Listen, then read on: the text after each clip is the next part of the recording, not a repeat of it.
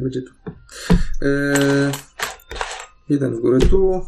Tu zostaje tak jak było. Tak, zostaje piątaka. I nie dowierzamy. I punktów. Czy... Próg. Nie! Próknąłeś.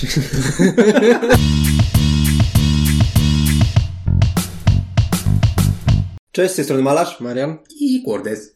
I w dzisiejszym odcinku w imię zasad pogadamy sobie nieco o grze Suburbia. Klasyk. To podtytuł. Tak. To jest gra, która ma już y, 10 lat. Ona 10 lat temu, w 2012 pojawiła się na SN. Pamiętam, że grałem w jeden z pierwszych w ogóle egzemplarzy, które wtedy przy- przyleciały do Polski. Jeszcze tam ludzie przywieźli z SN. W pierwszych dniach już tam było, o kurde, jaka fajna city buildingowa gra, nie? Więc ja już sobie też od razu ją kupiłem. Ja już ją mam od dawna. Potem oczywiście musiałem sobie kupić wydanie jubileuszowe, no a teraz ogrywamy nową edycję. Oczywiście, gdy podczas recenzji mówiłem o edycji jubileuszowej, chodziło mi o edycję kolekcjonerską, a nie jubileuszową. No a teraz ogrywamy nową edycję. Drugą edycję. Która tak naprawdę od wydania jubileuszowego grafikami się już nie różni, bo ona czerpie z jubileuszowego aż nawet za bardzo. grafikami. Ale to przejdziemy do wykonania. To o tym powiemy. Dobrze. Suburbia. Z czym, was, z czym wam się kojarzy ta gra? Czym ona się tak charakteryzuje najbardziej? SimCity. No tak jak powiedziałeś, City Builder.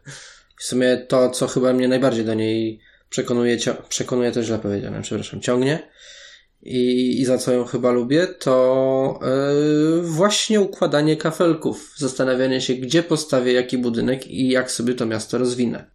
Bo tutaj jednak mamy te heksy i sobie kładziemy te kafle w wybranym przez siebie miejscu. I ja jakoś to lubię po prostu. To takie budowanie miasta z kafelków tam, gdzie ja chcę, a nie, że mam kartę, która daje mi bonus i ona sobie leży i, i czy ją położę z lewej czy z prawej, to jest to samo. Tak, jest y, wiele gier, które starają się grać na zależnościach i sąsiadowaniu i wiele z nich robi to źle. Ta robi to dobrze. Ta robi to naprawdę dobrze. Mhm. I nie dość, że robi to dobrze, to jeszcze to wszystko ma logiczny sens i jest uzasadnione. I ty czujesz, że dostajesz tą karę za to, że postawiłeś to osiedle mieszkaniowe obok fabryki. I no, Zazwyczaj. Albo obok autostrady. zazwyczaj. No, Jakie są wyjątki? Zazwyczaj, no tak jak na przykład dzisiaj graliśmy i się zastanawiałem, dlaczego restauracja fast foodowa i hostel się gryzą. A. Zdarza im się czasem coś źle, tak? Znaczy, to jest takie sporne. Znaczy wiadomo, no ale to jakby to nie wszystko, nie wszystko jest oczywiście oczywiste. Czasami, czasami mam tak rzeczywiście, że się zastanawiam, a dlaczego te bonusy się ze sobą gryzą, tak? Wiesz, może Tak. to jest tak, że jakbyś trochę pochodził do restauracji przy hostelu, to byś zrozumiał. Ale fast foodowej, mówimy o maku. No mak przy hostelu, no to jest tanie, to jest tanie, wszystko się jest- zgadza. To jest y, renomowana y, światowa restauracja. Przepraszam, przepraszam. Zaraz dostaniemy, wiesz, po łbie od maka, że go szkalujemy. Nie, no jest, dla mnie czepiasz się.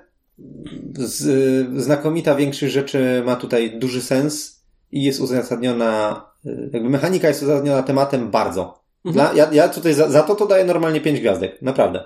No tu bardzo czuję, że to miasto powstaje i że wszystkie te sąsiadowania i zależności mają bardzo duży sens. A jak ktoś chce się przyczepić, to się przyczepi. Kij się zawsze znajdzie, co? No właśnie, ale zależności. Są zależności, które są, wynikają z sąsiadowania i to jest spoko, ale są też zależności, które wynikają z tego, że w innym mieście coś jest, albo gdzieś indziej w twoim mieście coś jest, a to miasto się coraz bardziej rozrasta. Jak mam pamiętać o tym, że e, za każdy szary czy za każdy niebieski, e, który postawię gdzieś na drugim końcu mojego miasta, mam pamiętać, no to już taki malutki zgrzycik się pojawia, ale spoko. Tak, bo niby zależy ci na tym, bo to jednak to ty dostajesz te bonusy. Tak, tak. I to, Ale to jest coś, co, o czym musisz W pamiętać. sumie zależy od stopnia ogrania tak naprawdę, bo na przy pierwszych partiach to faktycznie jest lekki problem, no ale im więcej się pyka, tym łatwiej o tym pamiętać. Znaczy wiesz, jak stawiasz kafel, no to rozliczasz kafel, to jest spoko. Rozglądasz się po sąsiednich, spoko. Tak. E, natomiast, jeżeli chodzi o te, które globalnie na twoim mieście, na twoje miasto działają, powiedziałbym też spoko, bo w sumie sam je postawiłeś, więc o nich pamiętaj. Ale w momencie, jak zaczynają się zależności globalne, czyli jak ktokolwiek postawi zielony, to ja zarabiam dwa, Mhm. to ja bym, ja się zastanawiałem, czy to było potrzebne tej grze.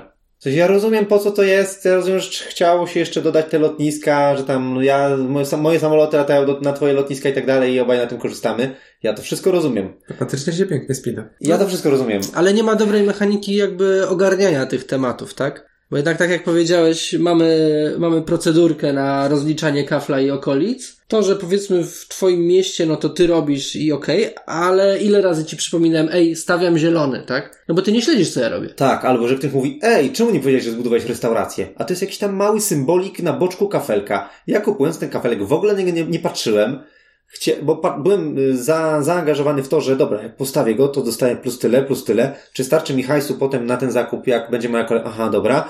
Y, A czekaj, z tych mi się odpali to i to. Przeliczam, przeliczam, przeliczam, przeliczam. Jeszcze mam ogłaszać każdy mały symbol, który jest po prawej stronie kafelka. Bo ktoś gdzieś tam w drugiej kolejce gry kupił y, y, ekskluzywną restaurację albo ubojnię. No, A weź pamiętaj o tym, co kto kupił, nie? Tak jak ja kiedyś tam, że o, trzy kolejki temu kupiłem coś z walizką. Zauważyłem to trzy kolejki później. Teraz się zastanawia, jak to rozliczyć, tak? Bo, bo się nie zauważyło tego. Mnie to nie obchodziło. Ktoś inny się nie zgłaszał, bo przecież nie patrzy, co robi. No ale z drugiej strony, żeby zagrać tego adwokata diabła, w czasie jak y, inni wykonują swoją turę, to ty w sumie nie masz nic do roboty, więc równie dobrze możesz patrzeć, co akurat w danym momencie schodzi z rynku i czy to ci coś zmienia, czy nie. No bo tak jak Michał powiedział, swoje symbole, znaczy to, co wpływa na kafę, które sam wybudowałeś, raczej pamiętasz. Raczej. tak. Więc Tu się nie ma czego czepiać. Ale wiesz, też pytanie, czy taka masa ogarniania tych symboli, może teraz przesadzam z tym określeniem, że to jest masa ogarniania, no ale to są rzeczy, o których musisz pamiętać. Czy Mhm. to się nie gryzie z charakterem tej gry? No bo to jest lekkie euro, dosyć losowe. I nagle wymuszanie na ludziach tego, żeby pamiętać o tych wszystkich zależnościach, troszkę mi tutaj nie pasuje puzzle do puzzla, po prostu. Mhm. Znaczy, ja bym powiedział, że nawet większy problem z tym, że ktoś coś kupuje i ja nie zauważyłem tego, jest z tym, że ja coś kupuję i teraz muszę przeliczyć, albo się zastanawiam nad kupnem i muszę teraz przeliczyć, ile już istnieje danej rzeczy na wszystkich. Yy, Tak, albo jak to wpłynie na przeciwników też, nie? a potencjalnie to powiedzmy też, no. Wiesz, postawienie dodatkowego zielonego, jak ty dostaniesz 8 hajsu z tego, bo masz dwie pomnożone wspólnoty, no można by się zastanowić, czy warto ci do, dodać tego hajsu, więc tak, no to, to jest troszeczkę taki kłopot. Z jednej strony fajnie, że te bonusy, jak już dostajesz te bonusy, fajnie, że jeszcze od sąsiadów je masz, że nie tylko ty musisz się starać, żeby tam one zapunktowały. E, No, a z drugiej strony fakt, jest to dodatkowy kłopot. Po prostu. Znaczy, ja bym powiedział, że rozumiem problem, ale mi on w sumie nie przeszkadza. Mm. Ja bym jeszcze na tym etapie powiedział, na tym etapie dyskusji, bo zaraz powiem o kolejnej rzeczy związanej z tym, na tym etapie bym powiedział, okej, jest to trochę uciążliwe, szkoda, że jest takie uciążliwe, no ale dobra, mm, da się to przeskoczyć, to nie jest killer tej gry, to nie jest coś, co ją zabija, jakby nie wpływa to dla mnie w, w zasadzie prawie wcale na jej odbiór. Trochę ubolewam nad tym, że trzeba o tym pamiętać, ale no trudno, nie? Przechodzę nad tym do porządku dziennego. Ale Dodajmy do tego drugą rzecz związaną z globalnymi bonusami, czyli to, że taka wspólnota mieszkaniowa, która daje ci dwa hajsy za każdy zielony kafel, na stole działa inaczej na dwie osoby, a inaczej na cztery osoby, czy na pięć, yy, kiedy grasz dodatkiem na pięć osób. I nagle moc tego kafla, w momencie kiedy tych zielonych statystycznie wejdzie o wiele więcej do gry, wzrasta kosmicznie. Mhm. No, z tym to tak nie przesadzał, bo Ale tak, tak. No było tak, że zobaczyliście i ten, ile można na tym zarobić i nagle przestawaliście kupować zielone. I się okazywało, że zielone były tylko u tej osoby, która miała tą wspólnotę. No tak, ale to jest dodatkowy problem, jeszcze kolejny, tak, że w zasadzie to, co ty robisz, żywotnie wpływa na to, co ja sobie decyduję, tak, bo ja bym chciał pójść w te zielone, ale widząc, że ty mocno na tym dostajesz, że ja idę w zielone, to mnie to zniechęca. Oj, to się, mój drogi, nazywa interakcja i nie jest wcale wadą. Teoretycznie tak, no ale wiesz. Czy on ci coś psuje w twoim mieście? Czy ci wysadza budynki, żeby to była bardzo negatywna interakcja? No nie. To jest tylko to, że cię boli, że sąsiad zarobi. Słuchaj, to jest Czyli największy z możliwych bólów. no ale wiesz, chodzi o to, że e, pojawia się właśnie taka, nie wiem, w pierwszej, e, e, nie wiem jak to nazwać, rundzie, epoce, fazie może tak. W No. pierwszej fazie pojawia się ta wspólnota mieszkaniowa, jest nagle taki kurde, taniutki budynek, a na przykład wiesz, on zaczyna się robić pomału coraz tańszy z czasem na rynku i patrzy, że wychodzą kolejne zielone. Jest takie, uuu, rynek się robi zielony. To się raczej zwróci dobrze. mhm. Zwłaszcza jak gramy na cztery osoby, dużo kafli wchodzi do gry, więc też dużo zielonych wejdzie siłą rzeczy do gry. No, to dyskusyjne powiedzmy, bo No ale wiesz, Może być. nagle ten kafel robi się na tyle mocny, że moim zdaniem jego cena, która jest stała i się nie skaluje z y, ilością graczy, wydaje mi się, że robi się za niska i jedyne, co może na to wpływać, to dodatkowe koszty na rynku, Które też są w zasadzie stałe, tak? które są stałe przez całą grę. I, za niezależnie od liczby I wiesz, graczy. i wtedy się rodzi pytanie, czy one są już wystarczające i adekwatne do tego, żeby stanowić problem do zakupienia takiego dobrego kafla, który się tak dobrze skaluje. Nie mówiąc już o tym, czy są adekwatne do kupowania w ogóle mocnych kafli, które są w tej grze. I tutaj w sumie chyba trochę przechodzimy do tematu samego rynku. Mhm. I wydaje mi się, że właśnie w skrajnych przypadkach te skalowalne kafle, ta cena nie jest, nie jest dla nich adekwatna. Ta, ta, ta mm, dodatkowa opłata za to, że bierzesz kafel, który dopiero co wyszedł na rynek. Czy ta dodatkowa opłata dużo zależy od etapu w grze, tak? Bo jednak na samym początku boli masakrycznie, także praktycznie w pierwszych, no w pierwszym ruchu to cię stać, tak? Na większość kafli, ale to jest pierwszy ruch, a później już nie masz tego hajsu i w zasadzie nie masz co kupić z tego rynku. W drugim, trzecim ruchu, nim się jakoś odkujesz, a odkuć się jest w sumie ciężko, tak naprawdę nie stawiając jakichś jezior albo nie wiadomo co, yy, no bo ten przychód masz, no delikatny, no. Zaczynasz No tak. z zera, budujesz sobie jakieś tam kafle, które dają ci jeden, może wyjdzie coś fajnego za plus trzy, ale to, to właśnie, to jest kwestia tego, czy ci się wylosuje na start, tak? I czy ktoś ci nie podbierze. Więc z samego dochodu dostajesz jakieś tam grosze, Mhm. grosze, które nie są w stanie ci opłacić budynków, które wychodzą na rynku, nawet jeżeli zejdą do zera. I co musisz robić? No musisz stawiać te jeziora albo coś świrować, Tak, bo w zasa- w nie masz zasadzie- co zrobić z tym rynkiem. A później, jak dobrze ci pójdzie, pod koniec gry, to już sypiesz hajsem na lewo i prawo i te ceny są totalnie nieistotne. Tak. Tak, ja bym powiedział tak, że na początku gry, jeżeli nie jesteś jakimś kamikadze i nie masz jakiejś szalonej taktyki, ale w sumie mieliśmy też takie partie i się źle skończyły raczej, no to raczej kupujesz te darmowe budynki, ewentualnie ten plus dwa, no chyba, że na plus cztery le- leży lotnisko na przykład. Hmm. No to se walniesz dyszkę, bo lotnisko to jest świetna inwestycja. Ale 6, 8, 10 to w zasadzie są martwe pola w fazie A. Faza A ma tylko cztery ruchy dla każdego gracza.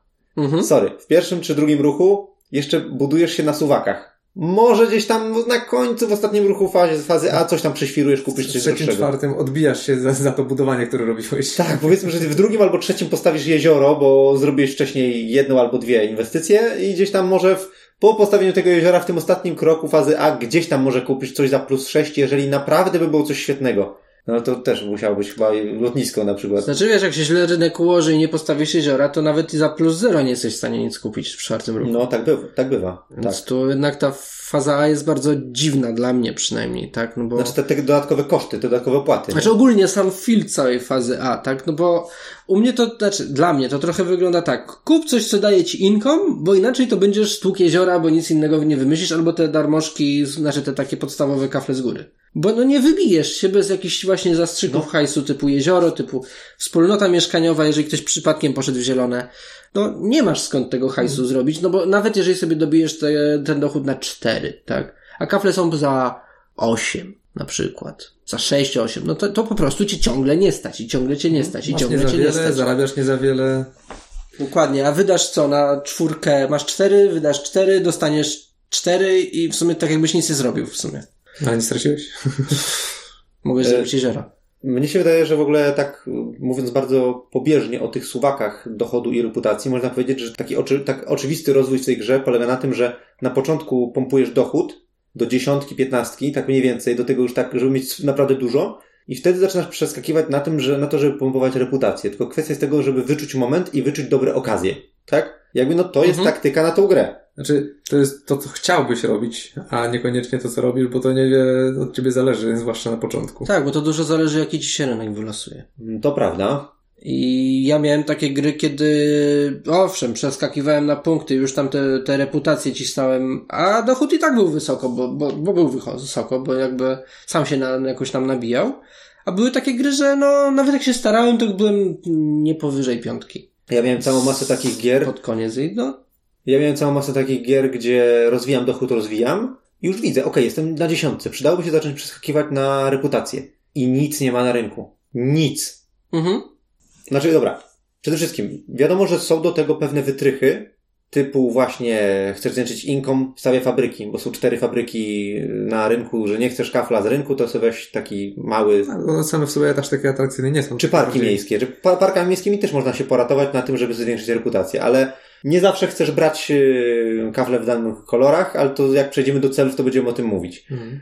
Natomiast no, sam rynek, same kafle na rynku powinny być na tyle atrakcyjnymi wyborami podczas partii, żebyś się zastanawiał, uuu, chcę wziąć kafel A czy kafel B? Ja tak na przestrzeni lat, jak grałem na, w, tej, w, te, w tę grę z doskoku, to zawsze miałem takie wrażenie, tak mniej więcej, dwie partie mi się gra dobrze, czy może trzy, a ta czwarta jest taka, że nic się nie układa, że w ogóle nie ma sensu, że staram się coś robić i się nie da. Teraz ostatnio to trochę jakby ciągle w czwartą partię gramy. Trochę tak.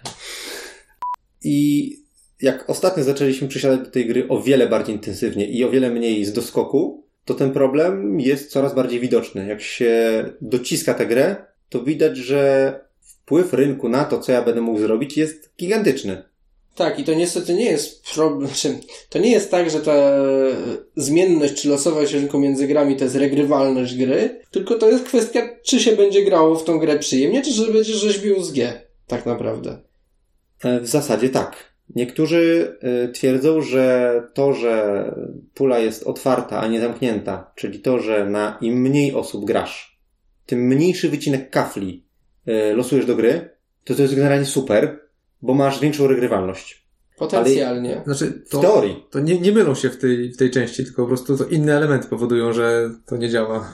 Mam wrażenie. Znaczy, no w teorii to jest większa regrywalność, bo w jednej grze będziesz miał same zielone na rynku, a w innym No. w ogóle nie będziesz miał zielonych. Tylko, że problem polega na tym, że nie masz zawsze wszystkich dostępnych narzędzi, a może inaczej, wszystkich. Bardzo często jest tak, że narzędzia, które daje ci rynek, są na tyle ubogie, że nie masz z czego rzeźbić. Mhm. Że nie masz jak zwiększyć reputacji albo dochodu, po prostu się nie da. No, Druga rzecz jest taka, że zaplanowałeś sobie na początku gry, idę w zielone, bo postawiłeś tą wspólnotę mieszkaniową, a później przez całą grę nie wychodzą te zielone i regrywalność bijecie po tyłku po prostu. Znaczy losowość bijecie Znaczy. Ten aspekt Tak, y, tej losowość, losowości, ale tak. mówiliśmy, naz- niektórzy nazywają, że to jest fajna regrywalność. Nie, no to generalnie chcesz w coś iść, to musisz wiedzieć, czy to będzie działało. no. Tak. Znaczy, mam wrażenie, że jakby pula była stała, to problem byłby ten sam, bo to jest kwestia, jak się kafle ułożą po pierwsze, a po drugie, na ile z nich cię stać. A tu generalnie masz niewielki wybór właśnie przez to, że w praktyce tylko dwa, trzy kafle przez długą część gry masz dostępne i to często są już takie przesiane, których nikt inny nie chciał. No tak, ale wiesz, jakby było tak, że ja e, wiem, że chcę iść w zielone, bo to takie ogólne założenie, idę w jakieś kolory, załóżmy, Bo że... mam questa. Albo przykład. nie wiem, bo, bo tą taktykę uważam dzisiaj za fajną. Nie no, to, że uważasz taktykę za fajną, to jest kwestia tego, że przyjąłeś sobie strategię, a gra jest taktyczna. Ale, no okej, ale byłaby powiedzmy pula zielonych, żebym wiedział, że zawsze te zielone będą, ale nie wiem Mhm. jakie, No, no, no, no. To wtedy bym wiedział, że mogę sobie zaryzykować. Pójdę w zielone, spróbuję coś z tego wyrzeźbić, a nie, że pójdę w zielone, a ich nie będzie. Tak, Tak, po prostu. tak. Bardzo słuszna uwaga. Jakby Więc- była pula, że losujesz ileś tam zielonych, ileś tam niebieskich na każdą... Tak, tak, tak, tak, tak to żebym by ja zadziałało. był, wiesz, żebym ja wiedział, że ja mogę w ogóle w to iść, że to ma Tak, sens. a nie stawiasz, a mennicę, teraz za każdą szarą będę zarabiał dwa dolary. I do końca gry nie ma szarych na przykład, nie? Dokładnie. No, świetnie. A potrafi tak być. I to jest losowość na zasadzie rzutu kostką. To jest to samo, na co narzekaliśmy w 7 cudów świata pojedynek. Mhm. Że idę w zielony kolor i do końca gry nie ma zielonych kart. Patrz, znowu zielony, nie? No dupa. To tak samo, decyzja o postawieniu wspólnoty mieszkaniowej w pierwszym ruchu jest na zasadzie ruletki. Tak, ale to mówisz konkretnie o tym pod, podzbiorze kafli, które polegają na, Tak, na, tak. na, na skalowaniu. Na, na skalowaniu, na sąsiadowaniu, typu za każdy niebieski, który stoi obok i nie wychodzą niebieskie, powiedzmy. No ale to jest ryzyko, które podejmujesz, mało. tak? Więc samo to, że kupujesz to i ci nie poszło, no to no, wziąłeś na siebie to ryzyko, tak? Ale ja mam wrażenie, że większość kafli bazuje na innych kaflach, bo o to w tej grze chodzi, tak? Jeżeli byś postawił na przykład taki biurowiec, który ci punktuje za każdy sąsiadujący niebieski i by ci nie wchodziły, tak? Spółdzielnia mieszkaniowa, fabryka i same szare i zielone wychodzą i co? Z czego będziesz rzeźbił, no? No akurat jesteś w stanie No wcisnąć dobra, no z szczegół, ale chodzi mi o to, że dużo kafli mówi o jakimś kolorze, tak? Mhm. Więc jeżeli tego koloru nie ma, mało jest kafli, które robią po prostu płaską robotę, tak? Mam wrażenie. Głównie No, tu chodzi o tak. to, żeby dokładać odpowiednie kafle w odpowiednich miejscach, tak? I zazwyczaj są to kolory, nie wchodząc w bardziej szczegółowe rzeczy typu symbole. Bo tam też się potrafi posłuchać, tak. ale to jest mniejszy, mniejsza skala, tak? Tych jednak... No, to jest tak samo duża skala. Na przykład na lotniskach kupujesz w pierwszym ruchu lotnisko i pytanie, czy wyjdzie ich jeszcze 5 czy 0.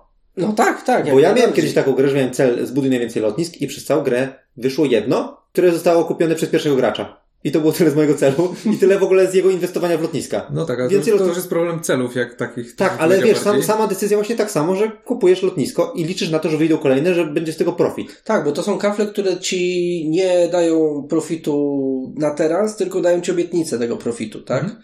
Więc ta obietnica, no, wiadomo, no to jest to, to ryzyko, o którym mówisz, że jeżeli kupujesz kafel, który daje ci obietnicę, to musisz się liczyć z tym, że tej obietnicy ci nie spełni. Tylko, że no mam wrażenie, Tylko, że jest on- pół gry. Tak, większość z nich daje taką obietnicę. Że No. Większość z nich to jest rzut kostką, czy ten kafel y, będę mógł rozwijać. Czy to kombo pyknie, czy nie, Tak. krótko mówiąc. Więc, no, I tak, ale nie. Znaczy, też, no. jakby, żeby ktoś tego nie zrozumiał, że cała gra jest totalnie losowa. To nie jest tak. No, je, ten kafel mi nie pyknie, to inny zacznę rozwijać i obudowywać. Jakby zasadniczo z grubsza to wszystko jakoś działa w porządku. Ale są takie sytuacje, kiedy to cię strasznie boli, że zainwestowałeś w coś specjalnie i w ogóle to nie wychodzi. Bo tak się trafił rynek. Mhm. A ja bym powiedział, że problemem właśnie nie jest to, że wychodzi czy nie wychodzi, bo to jest po prostu ryzyko, które podejmujesz. Problemem jest to, że kiedy już podejmujesz takie ryzyko, to potem nie masz za bardzo wpływu właśnie na to, czy będziesz w stanie kupić, nawet jeżeli wyjdą. No, bo mogą inni gracze wykupić albo mogą zamienić na jeziora, ale to już jest counterplay, więc w sumie spoko. Tak, albo możecie wyjść w momencie, w którym akurat nie masz hajsu. E, To też można powiedzieć, że twoja wina, że nie zrobiłeś zaplecza finansowego. Tak, tylko że tak jak mówiliśmy w, no, o fazie A, to zaplecze finansowe to też nie jest tak, że masz jakieś e, wybitne możliwości generowania tego zaplecza finansowego i że to są. Znaczy, może tak, to trochę są twoje błędne decyzje, że go nie masz na przykład w fazie B, ale trochę to też są właśnie kwestie niefartu na rynku, że ktoś ci wykupił dobry income, że ci nie wyszło. E, Że nie nie było- wyszło że na nie było zasadzie, że rzeźbić. nie wyszedł, że, że, nie ma, że nie masz, tak, że nie masz z czego rzeźbić. Bo tak? jedyna opcja wytrych, która jest, czyli no to stawiam fabryki, żeby mieć większy income. No ale to jest takie, co już mam. ale to jest takie, No, wiesz, razy dwa na fabrykę. po kroczku, no. Ja nie mówię o fabrykach. A, a o czym? Jak wszystko ma być. Jeżeli wszystko ci wykupują i jedyne co masz sensowne decyzje to ustawianie fabryk, a była taka A sytuacja. ty mówisz o samym początku gry. No tak, ale chodzi Ja o mówię o rozkręcenie tym- suwaku. Ja mówię o grze jako takiej, jako całości, tak? Że No. jest to kolejny wytrych. Nie musisz stawiać A, tych tak. tylko okej, nie ma nic na rynku, to tam zostawiłem sobie takie jedno miejsce, gdzie teraz mogę podwoić i to mi w zastępstwie za dobry kafel posłuży. To jest super. Tak, Ten, to ten jest, wytrych jest świetny. to jest, w stanie bardzo dobre. zrobić robotę. Oczywiście nie, jeżeli na przykład chcesz rzeczywiście liczyć na income i masz dużo pojedynczych kafli plus jeden income'u, które później podwojone nic, nic nie dają, dają ci plus jeden income'u. A miałem taką też grę. Może moja wina, może wina rynku, może wszystko jedno, ale to czasem też potrafi nie pyknąć. I wtedy ani rynek cię nie ratuje, ani Za- cię zawsze nie ratuje raz pod- dwa i zasadniczo no trudno się mówi. Zawsze możesz podwoić startowy park miejski. To jest zawsze dobry wybór. Oczywiście jak go dobrze obudujesz. Ale inkomu ci nie zwiększy. E, No nie, nikomu nie. Nawet zmniejszy. Nawet zmniejszy. Ale możesz podwoić jeziora. No tak, chyba że masz cel na najmniej jezior. Ale to już byśmy musieli przejść do celi. Mm, Ja bym na chwilę wrócił do tego, co mówiłeś jakieś 3 minuty temu, czyli do tego, że e, no w danym momencie gry możesz akurat być niewypłacalny. Mhm. I tu mi się nasunęła taka myśl, kiedy o tym mówiłeś, że mm, no mogłeś, prze- że w sumie mogłeś przewidzieć, że wyjdzie ten dobry kafel, na który liczyłeś i mogłeś sobie zbudować zaplecze finansowe. Tylko, że jest kilka kafli w tej grze, takich jak Stadion w fazie B, który daje ci dwa reputacji za każdy zielony wokół Mhm. jak zakład recyklingu w C, który daje ci dwa y, reputacje za każdy żółty wokół, na który wręcz świetnie jest przygotować sobie takie gniazda w swoim mieście, że jak wyjdzie, to ja chcę to kupić i wsadzić. Tylko jest nie jeden mały problem, pula jest otwarta i to może po prostu nie wyjść. Albo ktoś ci zrobi z tego jeziora. Znaczy, jak ktoś, wy, jak, jak ktoś zrobi jezioro, no to dopłacił plus 10 czy plus 8, specjalnie, żeby cię skontrować. Okej, to jest legitny Mhm. sposób na kontrowanie. Ja to rozumiem, ale w momencie, gdy nie wychodzi, no to to ma dwie, dwie strony monety. Jedna jest taka, że no to nie ma dzięki temu takiego, takiej mety, że robisz zielone gniazdo albo żółte gniazdo, No, bo, bo wyjdzie.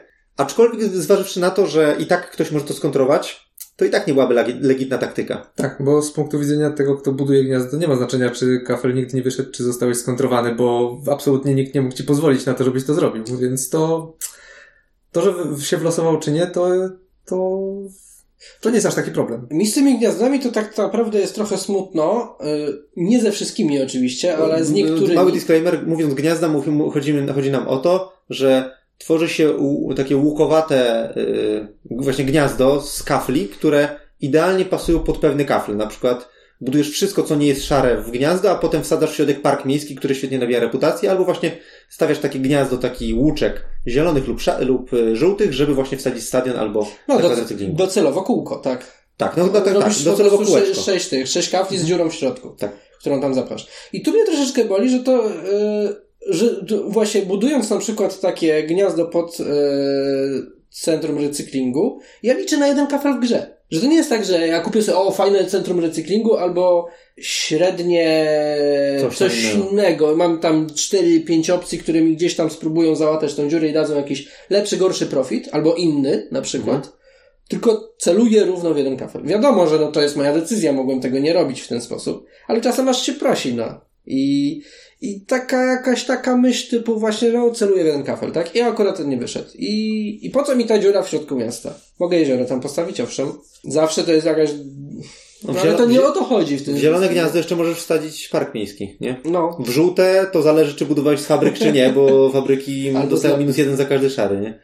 No tak, tak, więc no wiadomo, no to wszystko można podciągnąć jako złe decyzje urbanistyczne i tak dalej. Znaczy ja bym powiedział, że raczej problem leży w tych kaflach, które są takie mocne, czyli właśnie y, te, które mają mnożnik dwa reputacji za każdego sąsiada danego typu. To, to jest dla mnie za mocne. Jakby ten kafel sam w sobie dawał dobry zastrzyk, a za sąsiadów po jeden na przykład. To byłoby bardziej uzasadnione, bo Bo nie z drugiej musiałbyś... strony nagradza cię za planowanie, za dostosowanie się do niego. No za... Zaplanowanie plus random. za rzut monetą, który postanowiłem, że podejmę. Ja uważam właśnie, że to jest uczciwsze to, że on ci daje za to, że w jakiś sposób kształtowałeś miasto nagrodę, niż że daje super dużą nagrodę za, za to, że ci się w dobrym momencie po prostu wylosował na rynku i podszedł w momencie, kiedy cie- ciebie było stać, a innych jeszcze. No, to cena byłaby adekwatna wtedy. Czy ja się zgadzam z Marcinem, bo to zasadniczo jest City Builder. Ty masz układać sobie te kafle tak, żeby było dobrze, fajnie i planować miasto, więc jakby to się w ideę wpisuje, jak najbardziej. Zaplanuj sobie miasto tak, mm, no tylko po pierwsze musisz znać kafle wszystkie, wiedzieć na co się chcesz budować. To nie jest, to nie jest do końca gra typu, o wylosował ci się, znaczy wypadł ci jakiś kafel na rynku, to się dostosuje, nie? Ale mówimy też w dosyć ekstremalnym przypadku, bo tak Mhm. naprawdę jasne, można patrzeć, co się stanie, jeżeli zbudujemy kółeczko z sześciu i potem tam wsadzimy ten najlepszy, ale to nie jest tak naprawdę dobra taktyka, bo po prostu nastawiasz się na to, że będziesz w nieefektywny sposób układał te kafle po to, żeby być może kiedyś na tym skorzystać. Mhm. Tak naprawdę lepiej po prostu, nie wiem, budować tam takie łuczki z trzech i łatwo to wtedy można przełączyć na coś innego i też wtedy nie ma takiego problemu. Znaczy no, to, że, to, że budujesz taką strukturę, to jest po prostu, podejmujesz duże ryzyko, Mhm. żeby dostać dużą nagrodę. Dla mnie to jest spoko. Moim zdaniem nie, ponieważ bardzo często jest tak, że nie mam co zrobić z tym kaflem, nie mam gdzie go wsadzić, to jest, a no dobra, to buduję go w łuczek. Bo czemu nie? Bo czemu nie? I potem jest rzut monetą, czy mnie to nagrodzi, czy nie. I ja zgodziłbym się z argumentem, że to jest City Builder, więc rób y, sensowne dzielnice tematyczne y, i być może dostaniesz za to nagrodę, gdyby cała faza C to były kafle, które premiują za to, że wsadzisz to między zielone, za to, że wsadzisz to między niebieskie i są takie, wiesz, mo, takie pylony, takie budynki pylony, które premiują cię za to, że budowałeś tematyczne dzielnice. Centra dzielnicy. Centrum handlowe. Za, za to, że wsadziłeś to w y, niebieski łuczek, w niebieskie gniazdo. Potężny, nie? Mhm. Gdyby tych budynków było dużo i cała esencja, cała idea tej fazy C, to było właśnie takie zbieranie żniw za to. Ja bym wtedy stwierdził, okej, to jest taki ten, taki koncept. Ja uważam, że to właśnie byłby problem w kontekście tego, co mówiłeś wcześniej, że pula jest otwarta i może się wlosować albo nie wlosować. Gdyby cała faza C polegała na tym, że liczysz na właśnie na, na zdobycie takiej, zbudowałeś się pod, pod zdobycie takich gigantycznych budynków, które cię punktują za otoczenie, to wtedy właśnie niewlosowanie się takiego budynku byłoby straszne. W momencie, kiedy nie wiadomo, czy one w ogóle wyjdą i są tylko lekkim dodatkiem do tego e, trzeciego deku, tej, tej trzeciej Znaczy- talii, to to właśnie samo się naprawia. Zakładam, że w tej sytuacji, o której mówił Michał, żeby głównie ta faza C bazowała na tym, to tych budynków byłoby tyle, że na pewno by ci się trafiły, Żeby się pojawiały. tylko lepsze lub gorsze. Tak, A. dokładnie. To Wtedy- właśnie o to chodzi. Wtedy można byłoby się zastanawiać. Te bardziej na płaskie punkty, te bardziej na suwak, te bardziej na coś tam. Tylko, że znowu ta faza A i B nie jest strasznie taka duża, żeby tych gniazd pobudować miliony, tak naprawdę. Wiesz, Więc mu- budujesz znowu, 10 kol- To samo, co w ostatniej rozmowie. My teraz mówimy o pewnym koncepcie zarysowania gry. Tak, tak. No. A wiesz, a wsadzenie takich dwóch kafli, jak zakład recyklingu i stadion, które mają gigantyczne mnożniki, no bo dwa za każdego sąsiada, który pasuje, to jest bardzo duży mnożnik. Mhm. To jest dwa razy lepszy mnożnik niż inne mnożniki dostępne w grze. To jest wsadzanie takich dwóch y, wściekłych kotów do pudełka, które nie wiadomo co zrobią. Mhm. Mogą ci rozpierniczyć wszystko, co jest w środku, a mogą wyskoczyć zaraz. Nie wiadomo, bo nie wiadomo, czy się pojawią. Kafle No tak. Schrödingera. No trochę tak, w sumie racja. No znowu, one są problematyczne przez to, w jaki sposób działa ten zmienny rynek. E, To znaczy dokładnie przez co? Przez to, że jest otwarta pula, czy przez co? Y, Nie, przez to, w jaki sposób kafle się pojawiają. I na zasadzie właśnie w trzeciej fazie masz już dużo pieniędzy, ta kara cię, dodatkowa dopłata cię nie boli, więc po prostu liczysz na to, że to przed twoją kolejką dojdzie ten kafel, który cię interesuje, a nie przed kolejką kogoś innego, żeby sam budował albo cię skontrował. Tak, Mhm. mieliśmy całą masę gier, kiedy w zasadzie było, okej, no, nic nie ma na rynku, nie wiem, buduje park miejski albo buduje coś tam, nie? I jest nagle, dobra, to teraz ka- każdy przed swoją turą zacierał ręce i co teraz wyjdzie za plus 10? O, coś co ma sens! Kij, płacę plus 10, biorę. A ten drugi, dobra, niech wyjdzie coś, nie, znowu krap, nie? Cała ta ekonomia tego rynku zmiennego przesta, przestaje mieć sens już y, w fazie C na pewno, w wielu rozgrywkach. Tak, jak się dobrze zbudujesz, to już w fazie B zasadniczo bierzesz co chcesz trochę. Y, No. To trzeba się mocno oczywiście. To ja dzisiaj miałem taką rozgrywkę, że nic mi się dobrze nie zbudowało i aż do fazy C miałem dramaty i budowanie przedmieść się zdarzało.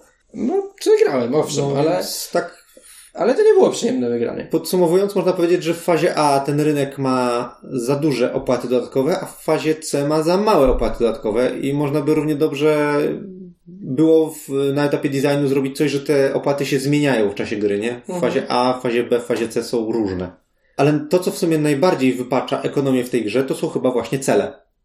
No, Oj tak. zwłaszcza te publiczne. Znaczy nawet nie ekonomię, tylko urbanistykę tak naprawdę. Urbanistykę i rynek cały. Mhm. Bo jeżeli mamy rynek, y, jeżeli mamy cel publiczny, y, dodatkowe tam 15 punktów, kto zdobędzie najmniejszy, kto zbuduje najmniej szarych, to nagle nikt nie chce odpuścić.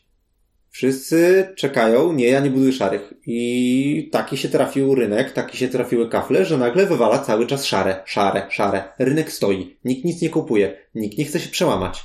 No musiałby jezioro zrobić. No tak, no Do wiesz, wtedy rynku. stawiamy jeziora, stawiamy przedmieścia, stawiamy fabryki, I co z tego wynika? i nic więcej nie robisz. I hajs ci się nabija, hajs ci się nabija, jesteśmy baronami. Każdego na wszystko stać A nic nie ma. i nic nie ma. Tak, najgorzej jest właśnie z tymi celami publicznymi najmniej. Znaczy w ogóle najgo- największym diabełem to jest najmniej szarych, bo on ci b- właśnie blokuje też stawianie parków miejskich, które by ci zwiększały reputację i szedłbyś do przodu na punktach.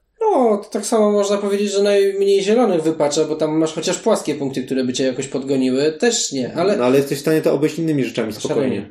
Pa- chociażby parkami miejskimi. Mhm. Znaczy nie, generalnie cele najmniej są złe. Y, Publiczne.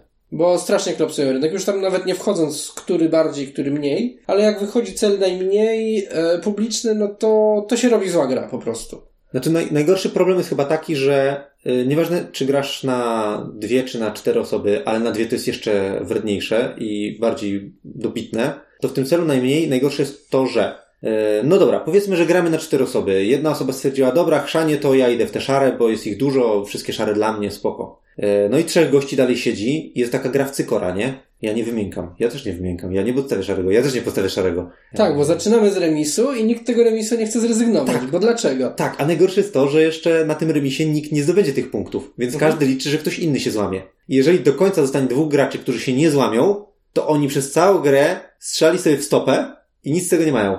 Tak, a żeby się złamać, to też trzeba się odpowiednio wcześniej złamać, żeby ten zysk z tego, że jednak poszedłeś w te załóżmy szare, Tak, zniwelował ci tę stratę na punktach, tak? ale tego nie zniweluje, bo na chwilę, mm, zakładając najprostszy model, czyli gry dwuosobowej, jeden z graczy, znaczy w dwuosobowej to nie ma sensu się łamać, bo No. jesteśmy tylko we dwóch i nie dam gościowi 15 czy 20 punktów za to, że ja postawię jeden szary. Dlaczego? Dlatego, że ja postawię jeden szary, no i teraz tak, albo na tym skończyłem moje budowanie szarych, to po co to zrobiłem? Nie? Mhm. Albo, no dobra, no to już postawiłem jeden szary, no to już, postawię następny i następny, bo mi się dobrze kąpią. I w tym momencie ten drugi gracz też może iść w szare, bo wystarczy, że będzie miał jeden mniej niż ty. I w zasadzie obaj idziecie w szare bez problemu, obaj macie tą swobodę, tylko jeden z was po prostu będzie o ten jeden mniej. Jeden I was, zgarnie wielką pulę punktową na jeden koniec. z was przegrał na punkty. Tak. Więc wymiękanie w tej grze na najmniej punktów kompletnie się nie nie opłaca. I wiadomo, Mhm. w grze na więcej osób trochę ma to więcej sensu, bo już nie, nie ma sumy zerowej, że da, oddam mu te punkty, a ja ich nie dostanę, ale nadal ta gra w cykora jest i jest nieprzyjemna. Tak, to by miało większy sens y, i jakkolwiek można byłoby się bawić, gdybyś kupował sobie karty, te budynki na rękę i nie wiadomo byłoby kiedy je, i czy i kiedy je zagrasz. Tak? Bo Wtedy by było wiadomo, no masz jakąś pulę i czy zagrasz ten szary, czy nie, najlepiej zagrywamy naraz, no wtedy ty stwierdzisz, a dobra, przełamie się, drugi też stwierdzi, a dobra, przełamie się i bach, nadal ma, mamy impas. Coś by się przynajmniej działo, można byłoby coś kombinować, a tutaj to jest takie w sumie płaskie, strasznie. Nic się nie dzieje totalnie, no. Albo ktoś się złamie i przegrał w ten cel, albo się nikt nie złamie i oboje przegraliście. Oboje. Oboje. Obu przegrało. Obi. Obi i osobi. a cele na najwięcej. Cele na najwięcej, no przynajmniej dają ci możliwość jakiegoś wpływu na to, ścigania się, tak? Czyli motywację na rozwój miasta w Poza konkretnym tym kierunku. wiesz, no, ty masz cztery niebieskie, ja mam trzy niebieskie, jeszcze tylko kupię dwa i wygram ten cel. Mogę, może tobie nie podejdą. A z najmniej co? Ja mam jeden, ty masz jeden, no i co? No i nic, co, tak? No mamy jeden, koniec gry. W cel. Tutaj coś się chociaż dzieje, coś można kombinować, się ścigać o coś. Tak, jest wyścig. To jest spokój, to działa. No. Co do tych celi najmniej i najwięcej chciałbym zauważyć jeszcze jedną rzecz. Trafia się cel publiczny, najmniej e, szarych, a ty masz cel prywatny, najwięcej szarych. Heh, no. Kłopot. Znaczy, masz wykonany cel. I możesz się skupić na olać ten na najmniej szarych na przykład. Inni niech się o niego biją, a ty się skup na dwóch pozostałych celach. Easy, easy win. Grasz na dwie osoby. Yy, tak, oczywiście, wiadomo. Wiadomo. To wtedy bym nie wziął takiego celu, bo Mhm. wtedy bym oddał przeciwnikowi czy przeciwniczce tamten, ja bym miał swój prywatny, ale no nie, za duży koszt. Ale jak jest przynajmniej trzech graczy, ścigajcie się, ja biorę najmniej niebieskich. Mhm. Wszyscy się tłuką, ja z drugiej strony nikt chyba nie oczekuje, żebyś wykonał wszystkie trzy publiczne cele. I tak raczej się powinieneś skoncentrować na jednym z nich. Może ci się uda zrobić dwa. Bo skoro jest po jednym na gracza, no to średnio wykonasz jeden, tak? Więc to dobra, to ci pomaga podjąć decyzję, że akurat z tego rezygnujesz, ale to nie jest tak, że wiesz. Znaczy, tak mi się też wydaje, że jeżeli udało ci się spokojnie zrobić wszystkie trzy publiczne cele i jeszcze swój prywatny, to chyba coś jest nie tak z swoimi przeciwnikami. Tak No tutaj raczej byś mógł się skupić na, grając na trzy osoby, na dwóch publicznych pozostałych. To jest twój jedyny fokus. Mhm. Swój masz już załatwiony, bo oni się biją o tamten, więc nie masz, nie dość, że masz ich z głowy, bo oni się tłuką o tamten i oddają ci na przykład wszystkie szare budynki, albo zabierają wszystkie niebieskie albo żółte z rynku, a ty nie, możesz po prostu ich nie budować i budować inne. I skupiasz, cały twój fokus to jest standardowa gra, plus Mhm. skupienie na dwóch publicznych celach. Ale mówisz, że to jest pozytyw? Nie, uważam, że to jest słabe. Że samo istnienie przeciwległych celów, które sprawia, że niektórzy gracze, y, czy nie, niektóre mm, sytuacje sprawiają, że cel się sam robi, prywatny. Że jeden musi się natrudzić i napocić, żeby zrobić najdłuższy ciąg jezior za 10, a drugi mówi, a ja miałem najmniej zielonych, czy tam któryś, to za 20 i sam się zrobił. Tak, bo było najwięcej na stole i się ludzie ścigali o najwięcej. Tak, no i, a ja miałem najmniej. No i sam się zrobił, 20 punktów dostałem za frajer. Ale mówisz, że słabe, ale z drugiej strony wcześniej sam powiedziałeś, że kto pierwszy odpuści ten cel, to wygrywa na tym, że pozostali się tłuką, a on już może swobodnie na tym działać, więc nie wiem, czy to jest takie słabe. Tak, poza tym to jest ten specyficzny warunek, kiedy ty masz najmniej, a na stole leży najwięcej, bo jak jest, No jak tak. jest odwrotnie, no to w sumie też w pewnym sensie ty odpuszczasz i wygrywasz na tym, a tam ci się tłuką, żeby nie odpuścić, więc No. w pewnym sensie jest podobnie. Mhm. A trzecia pula celów, czyli e, na koniec gry miej najwyższy albo najniższy suwak reputacji lub e, dochodu, albo miej najwięcej lub najmniej monetek. Tak, to, Zwykle to, loteria. to są właśnie, to są niby cele najwięcej, najmniej, ale one się wyłączają całkowicie, bo, bo właśnie. No, one są dziwne i przypadkowe, mam wrażenie. No, czy one są najwięcej, czy są najmniej, często jakby, no, przede wszystkim nie po to robisz grę, znaczy nie to jest twoim celem w grze, żeby mieć jakiś poziom suwaka i jeszcze ciągle patrzeć na ludzi obok. Tak więc jakby to często kto wygra, to jest albo dziwna decyzja pod koniec typu o, walę sobie bardzo dużo punktów, żeby dostać ten, yy, znaczy bardzo dużo, tam na suwaku, żeby dostać yy, ten cel, bo mi się uda go wygrać. Coś, co w sumie na logikę jest bez sensu. Ale w praktyce A może prak- zadziałać. Tak, a w praktyce to, to, to tym bardziej jest bez sensu. Eee, znaczy tak myśląc o urbanistyce, typu no robisz sobie samemu krzywdę, bo dzięki temu dostaniesz więcej. Gdyby to nie było tego dzięki temu, nie zrobiłbyś tej decyzji bez głupia, tak? No znaczy nie, no wiesz, no, jesteś osobą decyzyjną, jeżeli zrobisz tutaj odpowiedni budynek w odpowiednim miejscu, to, No ja wiem, ja wiem, ja wiem, ale ten się, minus da ci czepiasz plus, się. tak? No, ale, ale nie, no one są dziwne po prostu. One są losowe. Na hajs są kompletnie losowe dla mnie. To jest... Tak. Zwłaszcza, że na hajs to jest kurde 10 punktów. Co to w ogóle ma za znaczenie? No. To ja już wolę grać normalnie grę i no albo wygram te 10 punktów, albo nie, bo te 10 punktów to jest za mała nagroda za to. Te na suwakach mają troszkę więcej sensu, bo są warte po 20 punktów, a do tego suwaki jesteś w stanie jakoś kontrolować, żeby sobie nawet zasabotować. E, Tak Mhm. jak ja dzisiaj tam postawiłem w ostatnim momencie zielony tuż przy dwóch fabrykach i nagle spadłem specjalnie na reputacji, żeby, żebyś ty nie wygrał tego celu. No właściwie tak. Bo mieliśmy remis, więc obaj nie dostaliśmy punktów. No. Czyli takie nie do końca losowe. Znaczy dziwne Nie, no na suwakach, ale też, no kurde, no długofalową, akurat tutaj gap, gap był mały między nami. Różnica była mała, więc mogłem sobie na to pozwolić, żeby go uwalić. Szczególnie, że miałeś okazję. Tak. I to był ostatni twój ruch. Tak? I to był ostatni mój ruch, ale gdyby to nie na był ostatni ruch, no to sabotowanie sobie suwaka specjalnie w dół, Czy- to się nie opłaca po prostu. Ja bym powiedział, że te nasuwaki są mniejszym problemem jako publicznym, bo tam po prostu każdy wie od razu jaka jest sytuacja i że wszyscy się o to będziemy mniej więcej bili, a gorzej jest z nimi jako cele prywatne, bo skoro od razu na starcie dostajesz dwa żetony i musisz z nich wybrać jeden, Tu nic nie wiesz. to absolutnie nie wiesz jak gra się potoczy i w tym momencie nie ma sensu zupełnie branie tego celu, więc on jest takim po prostu martwym wyborem. Mhm. Tak, tak. Wybieranie celów na początku jest, to, to jest bzdura. No tak, ale przy, E. przynajmniej jeżeli, wiesz, masz do wyboru zbuduj najwięcej albo najmniej, to jeszcze możesz po prostu ten, jakoś Będę tam wpływać na to. Nie tak. będę tego kupował, albo będę próbował kupować to, jak to się pojawi. A suwaki to jest takie, okej, no zobaczymy. Zobaczymy jak się gra potoczy, nie? Tak, no bo rzeczywiście, jak nawet masz prywatny cel najmniej, nikt inny o tym nie wie, no to jest duża szansa, że reszta będzie chociaż trochę szła w dany kolor i jakoś ci się uda. Aczkolwiek chyba, że to jest szary. Znaczy no. prywatne, prywatne najmniej i najwięcej w danym kolorze są w większości spoko, zwłaszcza te najwięcej, bo tylko ty wiesz, że chcesz cisnąć niebieskie albo żółte. Najwięcej tak. Ale bardzo często jest tak, że zupełnym przypadkiem po prostu ten kolor żółty albo niebieski zwłaszcza tak się opłacają komuś, że, bo tak y, się rynek potoczył, że ta osoba, mimo że chciałaby iść coś innego, ma inne cele, to idzie w to po prostu, żeby się ustawić na suwakach Mhm. i psuje ci plany i ty się ścigasz tą osobą. Ja miałem wiele takich rozgrywek. Mhm. Że ścigałem się na niebieskich albo żółtych i przegrałem, mimo że miałem prywatny cel, a ta osoba nie miała. I robiła to zupełnym przypadkiem, bo rynek jest losowy. Ale z celami najmniej prywatnymi Oj. tu jest gorzej, bo wiele razy zdarzyło się chyba każdemu z nas przegrać cel z najmniej szarych, żółtych, zielonych, whatever, bo ktoś przy stole, ktokolwiek, chociaż jedna osoba, nie poszła w ogóle w szare. Jeszcze z żół- tym gorzej. Tak, Nie jeszcze poszła w z ogóle w zielone. żółtymi i niebieskimi to jest mniejsza często szansa, bo ktoś w to raczej pójdzie. Zwłaszcza z niebieskimi, bo one stanowią y, najliczniejszy kolor w grze. Tak. W fazie A to jest Najbardziej atrakcyjny też na start. Tak, w fazie A to jest 50%, y, teoretycznie w puli, gdy była zamknięta, 50% kafli to są niebieskie. Wiadomo, że może się wylosować różnie, ale przede wszystkim budują ci inkom. Więc y, Trochę sobie strzelasz w stopę. trochę sobie strzelasz stopę dla tych 10 punktów, przypomnijmy. Bo nie, nie, najwięcej, właśnie. najmniej niebieskich to jest 10 punktów, więc to też trochę nie warto na to zwracać uwagi. Jeżeli masz alternatywę do pójścia w niebieskie i zbudowania ekonomii na czymś innym, spoko. Jak nie, to ch- chyba szkoda zachodu, żeby sobie rozwalać całą grę dla 10 punktów. Tak, a często te cele, jednak punkty z tych celów, y, no, dają tą, tą wygraną, tak? Zrobić cel, a nie zrobić celu, to jest istotne. To dwa cele. Często.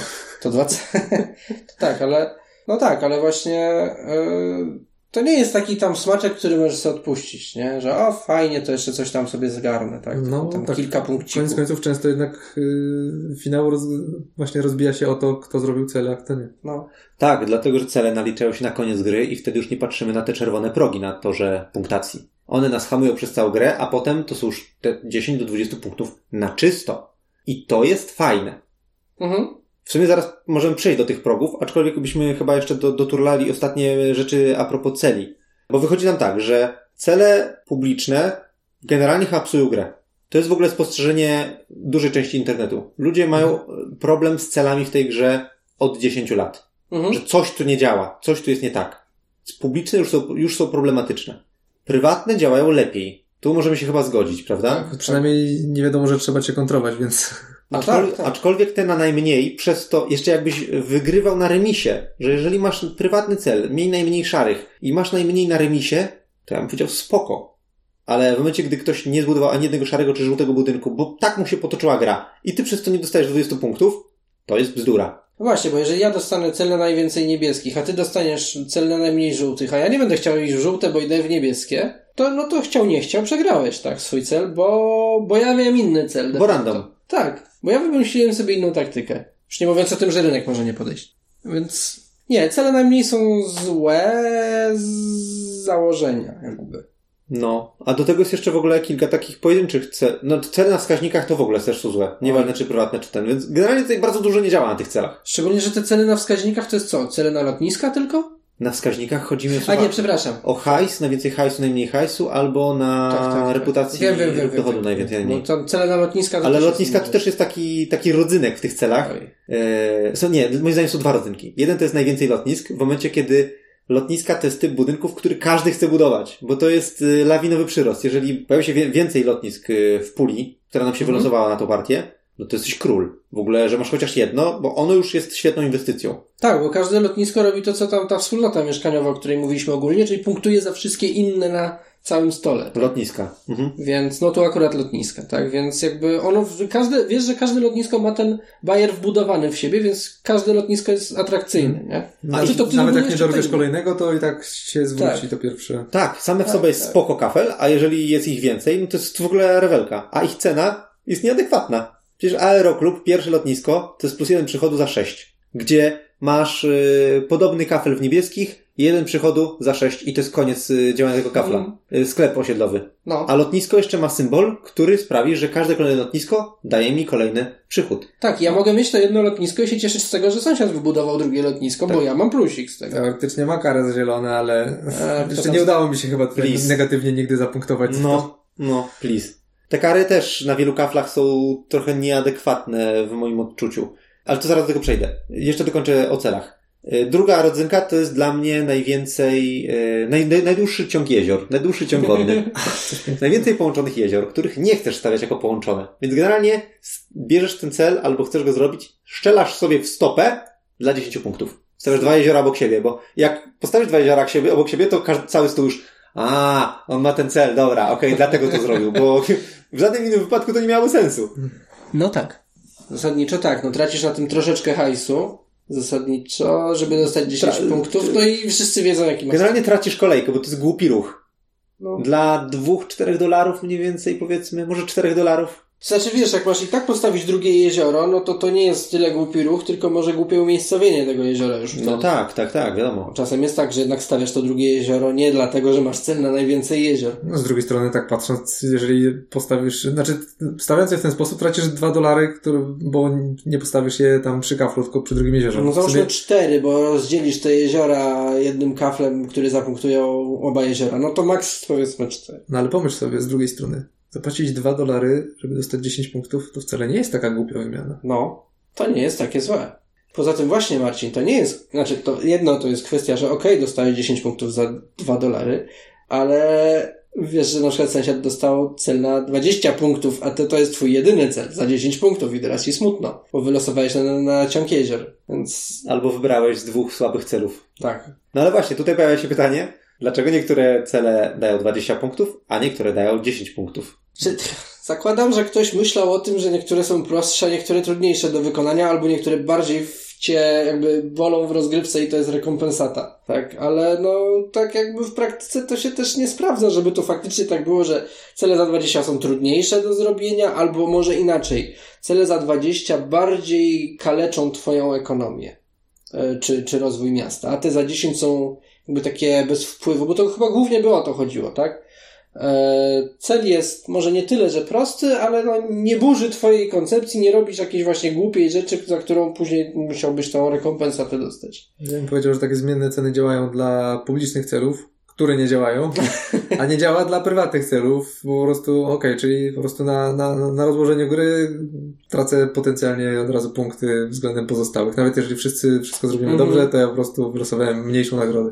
Też, Tak. ale w ogóle ja zauważyłem, że, mm, bo my, my staraliśmy się to zrozumieć i przeliczyliśmy ile jest kolorów kafli w każdym stosie i jakie są wartości punktowe. I wyszło na to, że niebieskie najwięcej, najmniej za niebieskie budynki dają tylko dyszkę, prawdopodobnie dlatego, że niebieskich budynków generalnie jest najwięcej, bo to jest 36% wszystkich kafli to są niebieskie, a w pierwszej erze aż 50% to są niebieskie.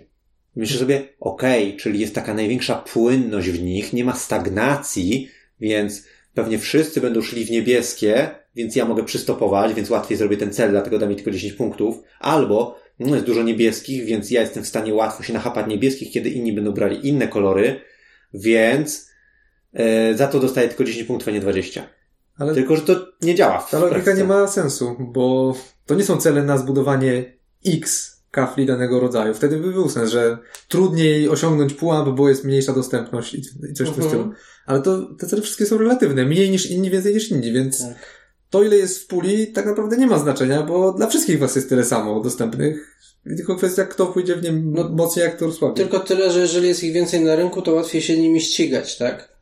Że, że nie masz takiego właśnie jak na kapa, jak na pierwszej erze w szary, czy masz dwa budynki szare i I to już jest taki wóz albo przewóz, weźmiesz albo nie weźmiesz. Tak? Będziesz tym lepszym, albo ktoś cię zremisuje. Ale no, oczywiście wiadomo, gdyby się punktowało za, y, za pierwszą erę, no to, to jest przykład, ale mi się wydaje, że bardziej tu jednak chodziło o to, że jeżeli pójdziesz w te niebieskie, to to i tak poprawi ci ogólną sytuację w grze i będzie ci dobrze, lub jeżeli nie pójdziesz, to Ale to by Ale- sugerowało, że kolory są niezbalansowane Nie, nie. pod cele, a tak nie jest. A nie, nie, nie, nie. To inaczej. Jeżeli faktycznie pójście w niebieskie byłoby tak bardzo korzystne, że aż trzeba obniżyć za, nagrodę za Mhm. zbudowanie dużej ilości, to w takim razie nagroda za zbudowanie małej ilości powinna być większa. A tak to nie prawda. jest. No. Nagrody są po prostu per kolor. Najwięcej niebieskich, najmniej niebieskich jest warte tyle samo. Najwięcej żółtych i najmniej żółtych jest warte tyle samo. Szare tak samo. Bo to jest HD także zielone, żółte i szare po 20, a niebieskie po 10. Szare jest 15. Chyba jest 15 jakaś. A tu nawet widać. Zielone jest 20, Tak, woda jest 20. Woda to jest random dla mnie. Eee, nie, to jest tak. Niebieskie są po 10, szare są po 15, żółte są po 15, Woda A- jest 20. a zielone... Mm, A zielone są niesymetrycznie. a zielone jako tylko jedyne. najwięcej. Nie, tu masz najmniej i jest za 20. A, no właśnie. Dlaczego? Yy, Znaczy, dlaczego pozostałe nie bym zapytał? Znaczy, tutaj ja bym się akurat spodziewał tego, że jeżeli zielone punktują płasko, to mało zielonych, to jest mało płaskich punktów, to dajmy rekompensatę. Nie, ale Załóż, poczekaj, to teraz zakładasz, że g- y, kolory są niezbalansowane dlatego, żeby cele działały. nie, Bo mi się wydaje, że Znaczy, nie o cele... to mi Nie, chodzi. nie, nie, nie. Zielone dają punkty, więc za to, że nie pójdziesz w zielone, masz rekompensatę więcej punktów za pójście w mało zielone. Tak, niż za pójście w dużo. To jeszcze może jakiś sens mieć. No ale to tak samo możesz powiedzieć, że w tym samym czasie możesz pójść w szare, które nabijają ci reputację, więc na tym trzepiesz punkty, a nie na zielonych. No masz wiele ścieżek. I zielone nie są jedyną ścieżką, że wszyscy kończą grę waląc zielone. To nie chodzi o to, czy y, walą, czy nie walą, ale chodzi o samą taką prostą decyzję typu kupię ten dodatkowy zielony i dostanę płaski zastrzyk punktów, czy nie kupię tego zielonego i nie dostanę zastrzyku punktów. Nie kupię tego zielonego, bo mam cel, e, nie dostanę tych płaskich punktów, ale cel mi da więcej niż gdybym go kupił i miał najwięcej, na przykład, tak? Znaczy moje założenie jest takie, że gdyby się wycięło cele z gry, to gra powinna działać dobrze Tak. i zależności w niej powinny działać dobrze. I z grubsza wydaje mi się, że tak jest, Mhm. że jest mniej więcej balans między tymi kolorami. I sprowadzanie teraz czegoś do prostej decyzji to jest wycinanie jakby przykładu, mm, rozpatrywanie przykładów próżni, jakiejś pojedynczej decyzji. W momencie, gdy te punkty mogłeś budować inaczej. No, mm, Nieważne, ale tak czy inaczej, nie ma logiki za tym, żeby ten sam kolor był punktowany za najwięcej i za najmniej tak samo. No nie ma. Tutaj no chociaż coś gdzieś można próbować szukać. Czyli inaczej. Generalnie rzecz biorąc, yy, wiesz, no cele powodują, że jakieś decyzje podejmujesz, któreś byś nie podjął. No generalnie Mhm. nie kupienie koloru, który jest dla ciebie atrakcyjny, tylko dlatego, że ma cel, żeby mieć ich mniej, szczególnie na celach mniej, albo kupienie koloru, który jest dla ciebie średnio atrakcyjny już, bo szósty żółty już jest ci na grzyba, bo to jest na przykład fabryka, Tak. ale musisz dopchnąć, żeby wygrać cel. Wolałbyś kupić coś innego, ale musisz zyskać przewagę na żółtych. Tak, więc zasadniczo cele powodują, że budujesz się inaczej niż bez celi, tak? Więc jakby to też nie jest do końca tak, że gra, okej, gra działa bez celi dobrze i podejrzewam, że gra działa bez celi dobrze, tylko twoje decyzje są zupełnie inne i kształt miasta się zmienia, czy są cele, czy celi nie ma. Więc to też nie jest do końca tak, że nie możemy, znaczy, żeby tego nie izolować i żeby, żeby to rozpatrywać tak całościowo, jak mówisz. Moim zdaniem to nie jest do końca tak, że ja wziąłem wycinek. E, Bo jednak te decyzje generowane przez cele są inne niż decyzje generowane bez celi. Znaczy, jakby wymyślane bez celi. Tak, mówimy w uproszczeniu budować, nie budować zielonego kafla, de facto chodzi o to, że budować zielone kafle jako grupy, albo Tak, budować, iść- budować ich więcej albo mniej. Iść w taktykę na zielone i na płaskie punkty, czy nie iść w taktykę na zielone? Odpuszczać te zielone, nie brać tych płaskich punktów ogólnie w grze? Czy, czy właśnie cisnąć w niej mieć ich więcej? To, to tu masz ich więcej z gry, a tu masz ich więcej z celu. Po prostu. Tu jeszcze jakąś może logikę bym w tym widział. A dlaczego najmniej i najwięcej w pozostałych kolorach jest równo? Nie mam zielonego pojęcia. Znaczy w, w ogóle balans tych punktów na, na tych celach jest dla mnie w wielu przypadkach bez sensu. Mhm. Na Tak, przykład, po prostu tu jest bardziej zauważalny. na przykład to, co nawet dzisiaj mieliście do wyboru najmniej albo najwięcej jezior. Łatwo to zrobić. Znaczy najmniej, No, najmniej nie. Naj, najmniej nie jest tak łatwo, bo musisz yy, tak zagrać, żeby na przykład nie postawić żadnego jeziora. Przeważnie się stawia jedno jezioro. Tak, nie? było bardzo ciężkie na początku gry, gdzie generalnie płakałem z braku hajsu i do końca gry płakałem z braku hajsu i kupowałem jakieś w sumie trochę dziwne budynki, bo miałem najmniej, a wy nie posz- ty nie poszedłeś w jeziora.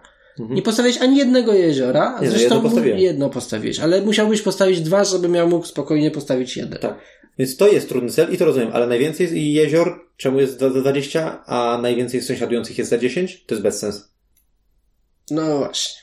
Cel na przykład na najmniej y, znaczników y, razy dwa, to jest cel, którego ja chyba najbardziej nie lubię dostawać, bo ja wiem, jak te razy dwójki potrafią dopalić punkty w, zagrane w odpowiednim momencie. I jeżeli ja mam się stopować dla 15 punktów, to prawdopodobnie wyjdę na 0 albo nawet na minus. Tak, a ktoś akurat dostał taki rynek, e, że nie ma jakichś pojedynczych, wybitnych budynków, nie ma tak sensownie co z razy dwa zrobić. No i co? I też przegrałeś ten cel, bo jemu akurat Tak. to razy dwa nie podeszło. Miałem taką partię, że chyba ty nie Ja. zagrałeś ani jednego y, razy dwa, bo po prostu Wszystkie budynki były cienkie, wszystkie jakoś były tak w takie... każdym momencie gry ci się to nie opłacało. Ja też nie zagrywałem razy dwa i ani nie skorzystałem z razy dwa, ani nie dostałem celu. Tak. Rynek był ciekawszy niż moje po- podwojenia. No problem jest też to, że tak jak mówiliśmy, to raz dwa to jest istotny wytrych omijający problem rynku i nagle ten jeden cel ci wyłącza narzędzie, które jest istotne dla gry. Tak.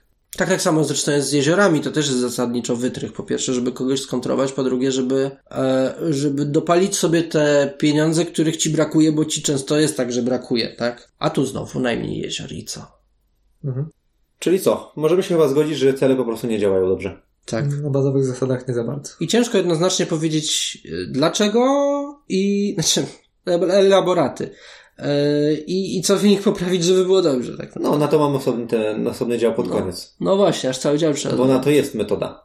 Ale właśnie, wydaje mi się, że cel, temat celi wyczerpaliśmy i chciałbym sobie przeskoczyć na temat, który poruszyliśmy, czyli to, że cele dają punkty na koniec gry i omijają czerwone linie. I to jako jedyne w celach jest naprawdę dobrą rzeczą moim zdaniem, bo to naprawdę motywuje do tego, żeby postarać się zwłaszcza te 15 czy 20 zdobyć, bo to już jest wynik na czysto, nie? Mhm. A zwłaszcza, że pod koniec tego e, toru już te czerwone progi są co, co drugie pole. No ale to jest bardziej kwestia tego, że sam koncept tego, żeby do czegoś dążyć i żeby ci to zapunktowało na koniec jest spoko, wykonanie nie działa. Mm, No tak, tak. Tak, tak, tak. Na pewno dało się to zrobić lepiej.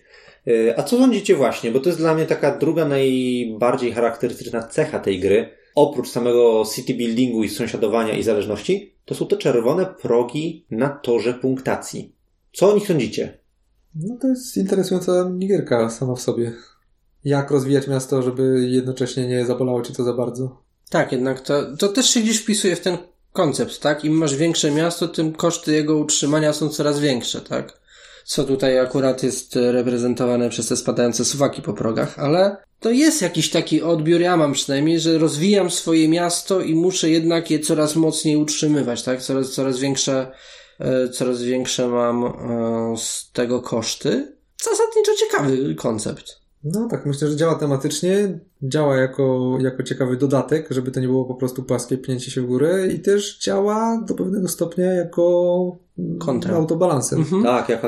Że Bo nie ma tak, to- że ktoś wcześniej się wybił na jednym czy drugim torze i potem po prostu coraz bardziej ucieka, tylko okej, trochę uciekł bardziej, ale go tam spowalnia, więc jakoś to y, jednak poprawia zabawę dla wszystkich przy stole.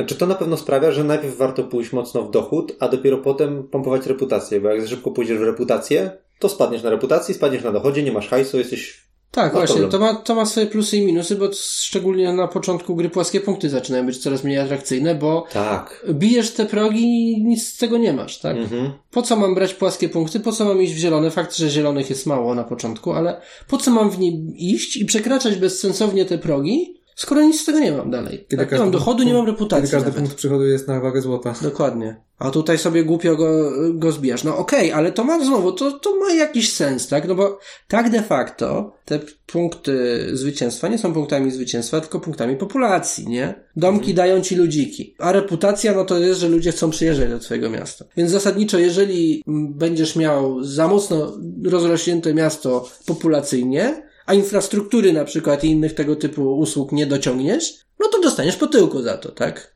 Więc gdzieś to nawet jakoś się tam w klimat wpisuje i w sensowność tak, tego. no, tak jak powiedziałeś, tematycznie to czuć, że to, Mhm. to się wiąże z rozwojem miasta. Tak, i mechanicznie też fajnie działa, tak. Że jak się wystrzelisz za mocno, to cię mocno tam później tam gdzieś gnoi to.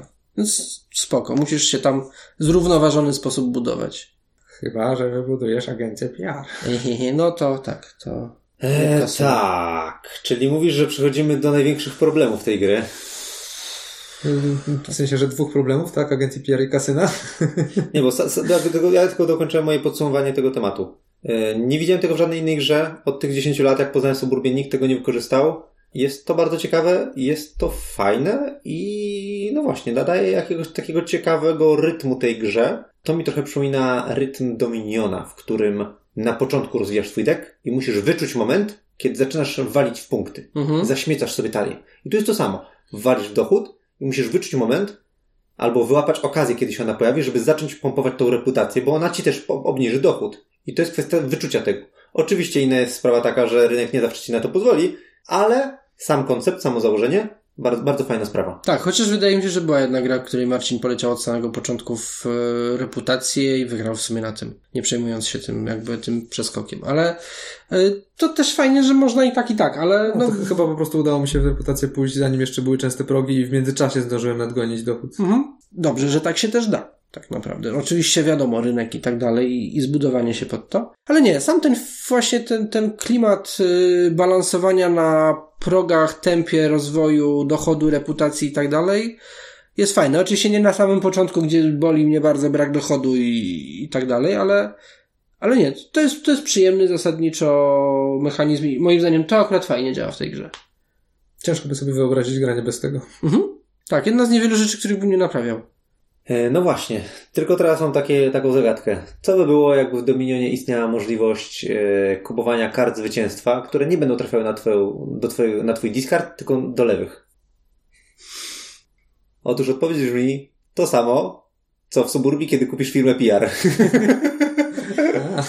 Czyli cała podstawowa mechanika, cały koncept tego punktowania i tych progów, które cię spowalniają, zostaje wyrzucony do kosza. No, I nagle ciebie przestają obowiązywać absolutnie fundamentalne zasady tej gry. No, nadal spadasz na dochodzie. Ojej. a to sobie kup kasyno. Da się.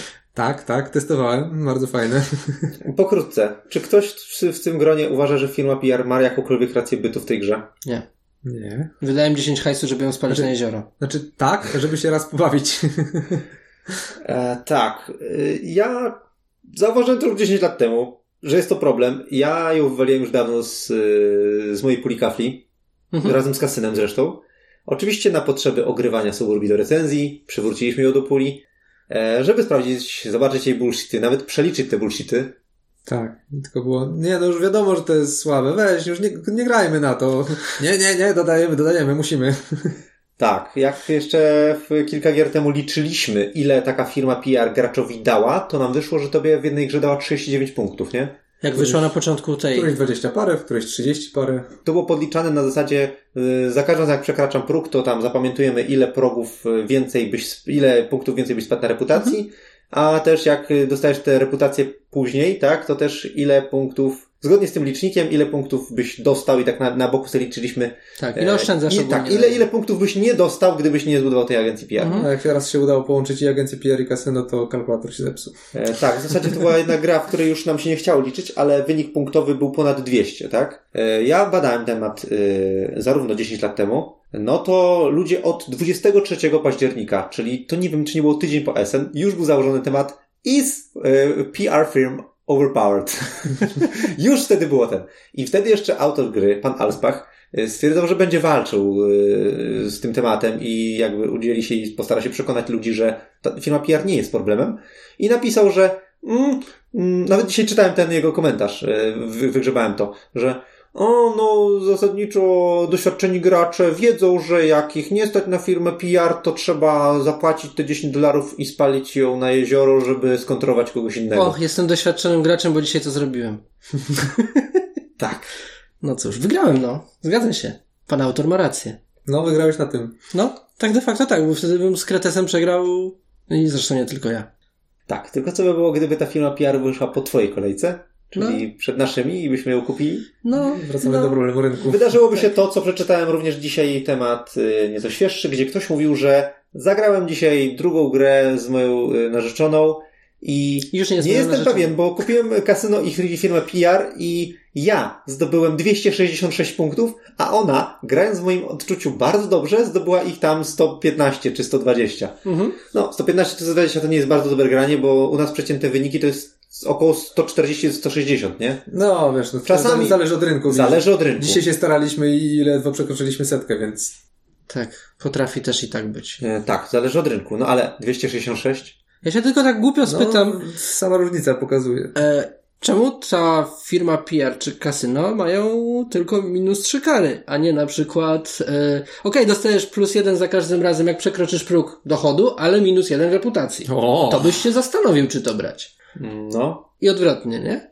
I wtedy O. kupienie jednego i drugiego nie miałoby najmniejszego sensu, bo by się kasowały nawzajem, ale Słuchaj, chyba nie chcesz powiedzieć, że sam naprawiłeś problem, który istniał od 10 lat. przypadkiem, sorry, trzeba by przetestować. Jest lepsze ale- naprawienie tego problemu, czyli spa, spalenie, spalenie ich w piecu. No. Nie, ale wiesz co, gdyby to było takie, że tu dostajesz plus, ale tu dostajesz minus, to ja nie wiem, czy to nie byłby ciekawy kafel. Tak Może. I dla mnie samo gmeranie przy tych, przy tych progach jest złym pomysłem. Od samego, od samego początku, kiedy autor powiedziałby mi Hey, Michał, I got a great idea. I powiedziałbym tak, no Ted, no, no, don't do it. Szczególnie, że to jest tak, że ty musisz pamiętać o tym, że no, normalnie przesuwasz dwa klocki, tak? Czerwone, ten kółko i kwadrat zbijasz w dół. Nie, musisz pamiętać, że a nie, kwadratu nie. To, Ile nie, razy to nie jest dla mnie żaden Okej, problem. ale to jest dodatkowy jakby taki mały kamyczek, tak? Że no, A. tu gdzieś tam psuje tą mechanikę podstawową, tak? Jakieś takie z odruchy i założenia. Mm. Pamięć mięśniową. Tak, tak, znaczy tak, no zgadzam się z tobą, ale to jest najmniejszy problem tych kafelków. Oczywiście.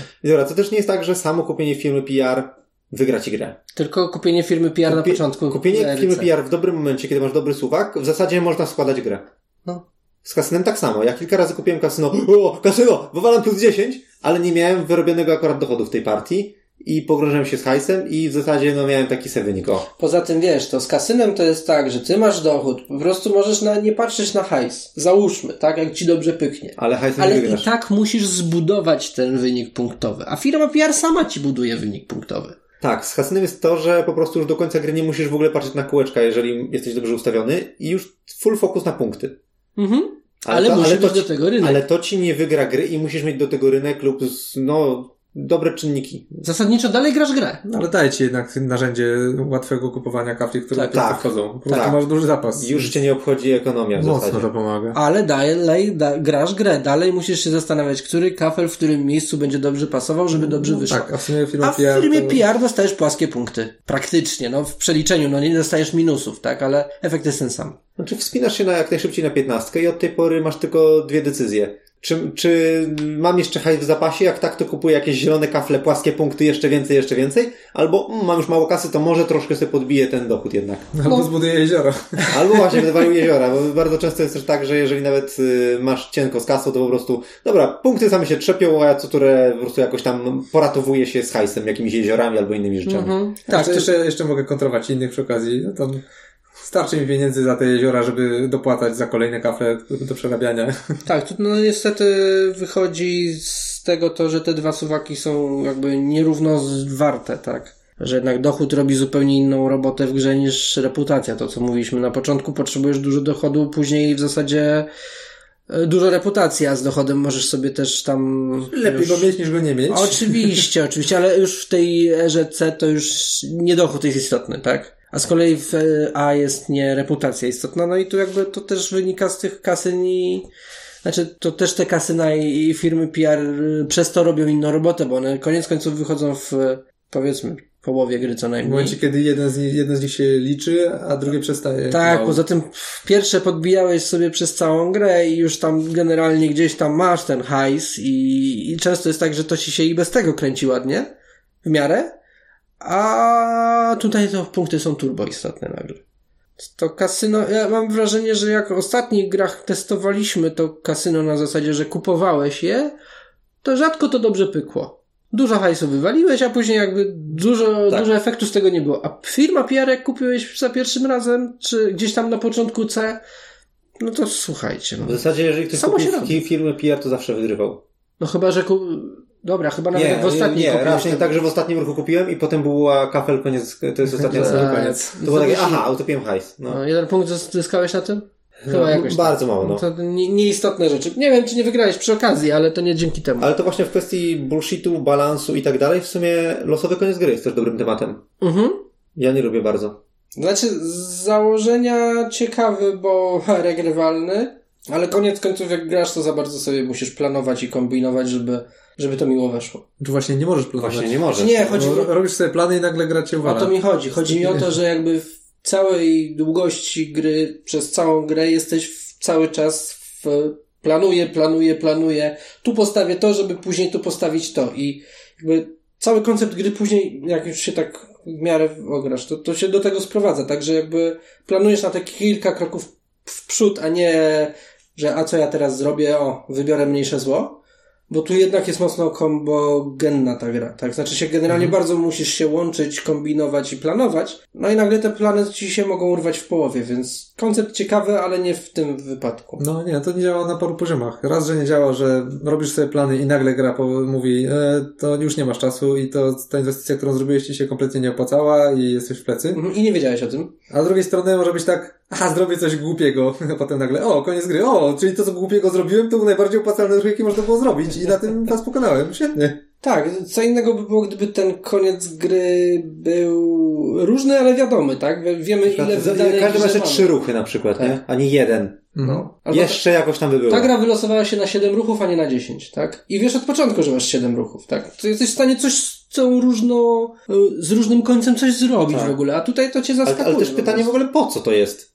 Chyba po to, żeby właśnie zniechęcić cię do mużdżenia i do kalkulacji? Ale prawda jest taka, że wiele rzeczy w tej grze bardzo zachęca do kalkulacji. Chociażby to, że kupuję jakiś kafel z rynku i zaraz, zaraz, zaraz, bo za, w następnej kolejce tamten kafel, który jest teraz na plus 8, gram na 3 osoby, on będzie na plus 2. On kosztuje 12, plus, o, dobra, będzie kosztował 14, okej. O, zabraknie mi jednego dolara, to jednak muszę zrobić inny. Tak, tak. I kupujesz ten i teraz tak liczysz. Okej, wezmę to, z moich pieniędzy zapłacę teraz 7, zostanie mi jeszcze 8. Wtedy będę potrzebował 14. Dobra, pamiętam. Y, Przychodu mam tyle, to zabraknie. Ale moment, ten kafel wsadzę tu, wskaźnik mi się podbije o jeden za to, że postawię go w tym miejscu. Y, Liczysz, liczysz, To liczysz. będzie- Czyli nie zabraknie ci jednego centa. No. Kalkulacja. Czy, czy pójść w inkom, czy pójść w punkty, bo inkom ci się przyda w następnej turze konkretnie tak i nie możesz go odpuścić teraz i zbudować w następnej, bo się tam nie, nie zepniesz. Za Tak, dużo jest planowania tutaj. W, w grach cięższych ja rozumiem, że brakuje ci jednego resursa, Mhm. I kij nie kupisz. Rozumiem. Ale ta gra z samego założenia tematu, lekkości, prostoty zasad, losowości rynku, a nawet bez tej losowości rynku, jest lekko średnią grą. Mhm. I mi- mimo to jest wymagana taka kalkulacja co do cen, centusia, żeby cię po prostu nie zabolało, że teraz mnie nie stać i pff, super, to muszę zrobić jezioro, a ten kafel mi ktoś podbierze. Mhm. Bo Tak, nie wyliczyłem, bo nie wziąłem tego pod uwagę. I teraz to jest skonfrontowane, takie, taka kalkulacja, te wszystkie zależności, przeliczania i tak dalej, to wszystko, wszystko, wszystko jest skonfrontowane z tym, że haha, fuck you, gra się teraz kończy. Tak, bo to nie jest gra w wybierz najlepszy kafel pasujący do twojego buildu, tylko to jest gra w wybierz najlepszy kafel w danym momencie, który najbardziej ci jakby zapunktuje teraz, tak? On nie musi być najlepszym kaflem, ale może być najlepiej pasującym kaflem, tak? Bo akurat w następnej kolejce będziesz potrzebował czegoś.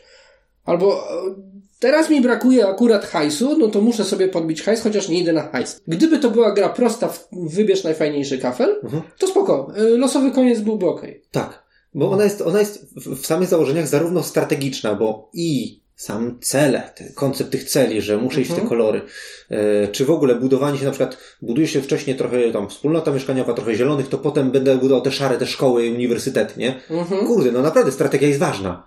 Jak już coś idziesz. Taktyka też jest ważna, bo rynek jest bardzo psotny, taki ym, figlarny, nie? Można powiedzieć. Jakby nie wiesz, co... Miło go opisujesz. Musi... tak, wiem. Przewrotnie. e, ale no musisz się cholernie dostosować do tego rynku, nie? No.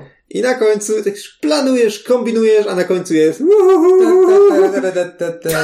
taka małpa z talerzami, nie? Wjeżdża. Koniec gry.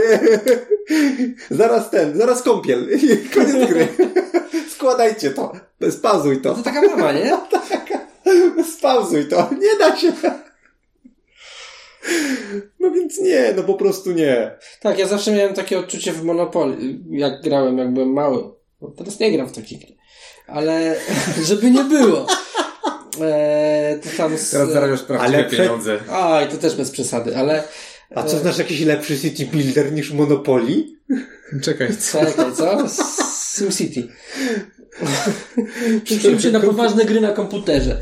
Nie, ale nie, często rozkładaliśmy te Monopoly i graliśmy z e, kuzynami, jak przy, kuzynkami, jak przyjechały i, i to często było tak, że w trzech czwartych gry, jak już się człowiek rozkręcił, nie, dobra, to my już jedziemy do domu. Koniec. Przyszła ciocia i powiedziała, dziewczyny, zbierajcie się. No i to to jest trochę tak. Nie pamiętam, żebyśmy dograli jakieś Monopoly do końca. Ale zobacz, też stawiasz hotele, też stawiasz domki, wszystko się zgadza. Może też się to, to inspirował. nie jest recenzja Monopoly. A, a może właśnie jest, a my o tym nie wiemy. Ja bym jeszcze wrócił do troszeczkę do tematu ogólnie balansu kolorów i balansu kafli. Oho. Bo zaczęliśmy troszkę mówić o tej firmie PR i kasynie, czyli zło i y, mniejsze zło. E, Ale powiedziałbym jeszcze o tym, że jest y, na drugim końcu spektrum są takie kafle, które zalegają na rynku w zasadzie do momentu, aż ktoś stwierdzi no dobra, no spalę tą y, ubojnię, nie? Mhm. Albo spalę to osiedla komunalne. I są takie kafle, Ostrożnie, ostrożnie. są takie kafle, których nikt nie chce kupować. Ja wiem, że teoretycznie w tej grze jest kontrolowanie przez budowanie jezior, nie? I wtedy coś niszczysz, ale to przeważnie wtedy niszczysz, jeżeli nie masz jakiejś ciekawej kontry na płacę plus 2 plus 4, bo to jest świetne dla niego, więc ja teraz dopłacę, żeby on nie dostał. No to płacisz te darmo, e, nie palisz te darmowe kafle. A wśród tych darmowych masz taki wybór. No albo spalę to osiedle komunalne, którego nikt nie chce, albo spalę ten kafel, który może ten gość, kto zaraz będzie wykonywał turę, to weźmie, bo jest za zero, a zanim Mhm. kolejka do mnie wróci, to i tak rynek się zmieni. No to nie palę osiedla komunalnego, palę to drugie. I to osiedle komunalne tak leży przez całą grę. Tak, ale problem jest taki, że on, ono jest bardzo, bardzo, bardzo sytuacyjne. Jest dużo takich właśnie kafli mega sytuacyjnych. Znaczy dużo, no są takie kafle mega sytuacyjne, które jak ci może gdzieś tam się zbuduje, to ono by ci może coś tam fajnego dało, tak? Ale Czekaj, gdyby to była dobra gra. tak, mniej więcej, mniej więcej. Ten argument, nie z poprzedniej rozmowy. Tak, ale to samo, tak jakby to samo z ubojnią. Mówiłeś przykład ubojni, Tak. tak?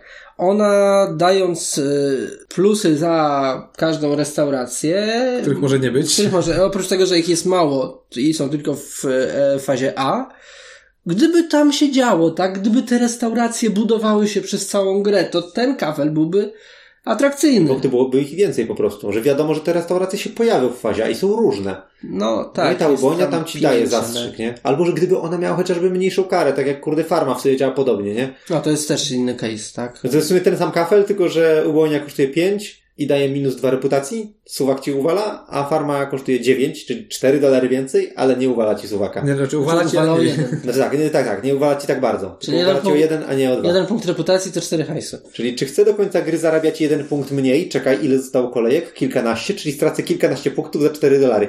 Hmm, no nie wiem. No to jest taki bezsens po prostu. No, masz przecież kafle, które kosztują 7 i dają ci plus 1, a tu jest kafel, który kosztuje 9, uwala cię i może dać ci nagrodę, Mhm. jak się dobrze rynek ułoży. No tak, nikt nie kupuje ubojni farmy, przynajmniej nikt rozsądny, jak co najmniej nie leży jakaś restauracja na rynku. No w ogóle- Nikt tego w ciemno ale nie to jest robi. takie, jeżeli jest dużo, jeżeli już jest w ogóle parę zbudowanych, to wtedy ten kafel przestaje być straszny. Jeszcze nie, nie to, że jest opłacalny. Żeby być opłacalny, to w ogóle musiałoby być wszystko zabudowane. Powiedzmy, że byłyby Tak. trzy restauracje, chociaż nie wiem, czy w naszych grach były. Powiedzmy, że były trzy, to to max, nie? Znaczy, generalnie w puli jest pięć, więc jest jakaś na to szansa, ale Aha, łącznie jest pięć. łącznie jest pięć, bo masz dwie fast foodowe i trzy fancy. To się nawet chyba teoretycznie zdarzało, ale to Tak. zbyt dużo zmiennych jest. Ale to jest pięć symboli restauracji max, które mogą ci się wyturlać przez całą grę. A nie, znaczy, a nie wszyscy chcą budować te ekskluzywne, nie? tak, szczególnie, że one Są tam... takie no, lekko ryzykowne. Zwłaszcza, że jak widzisz, co się zbliża i widzisz, aha, są dwie, e, to może nie będę kupował, bo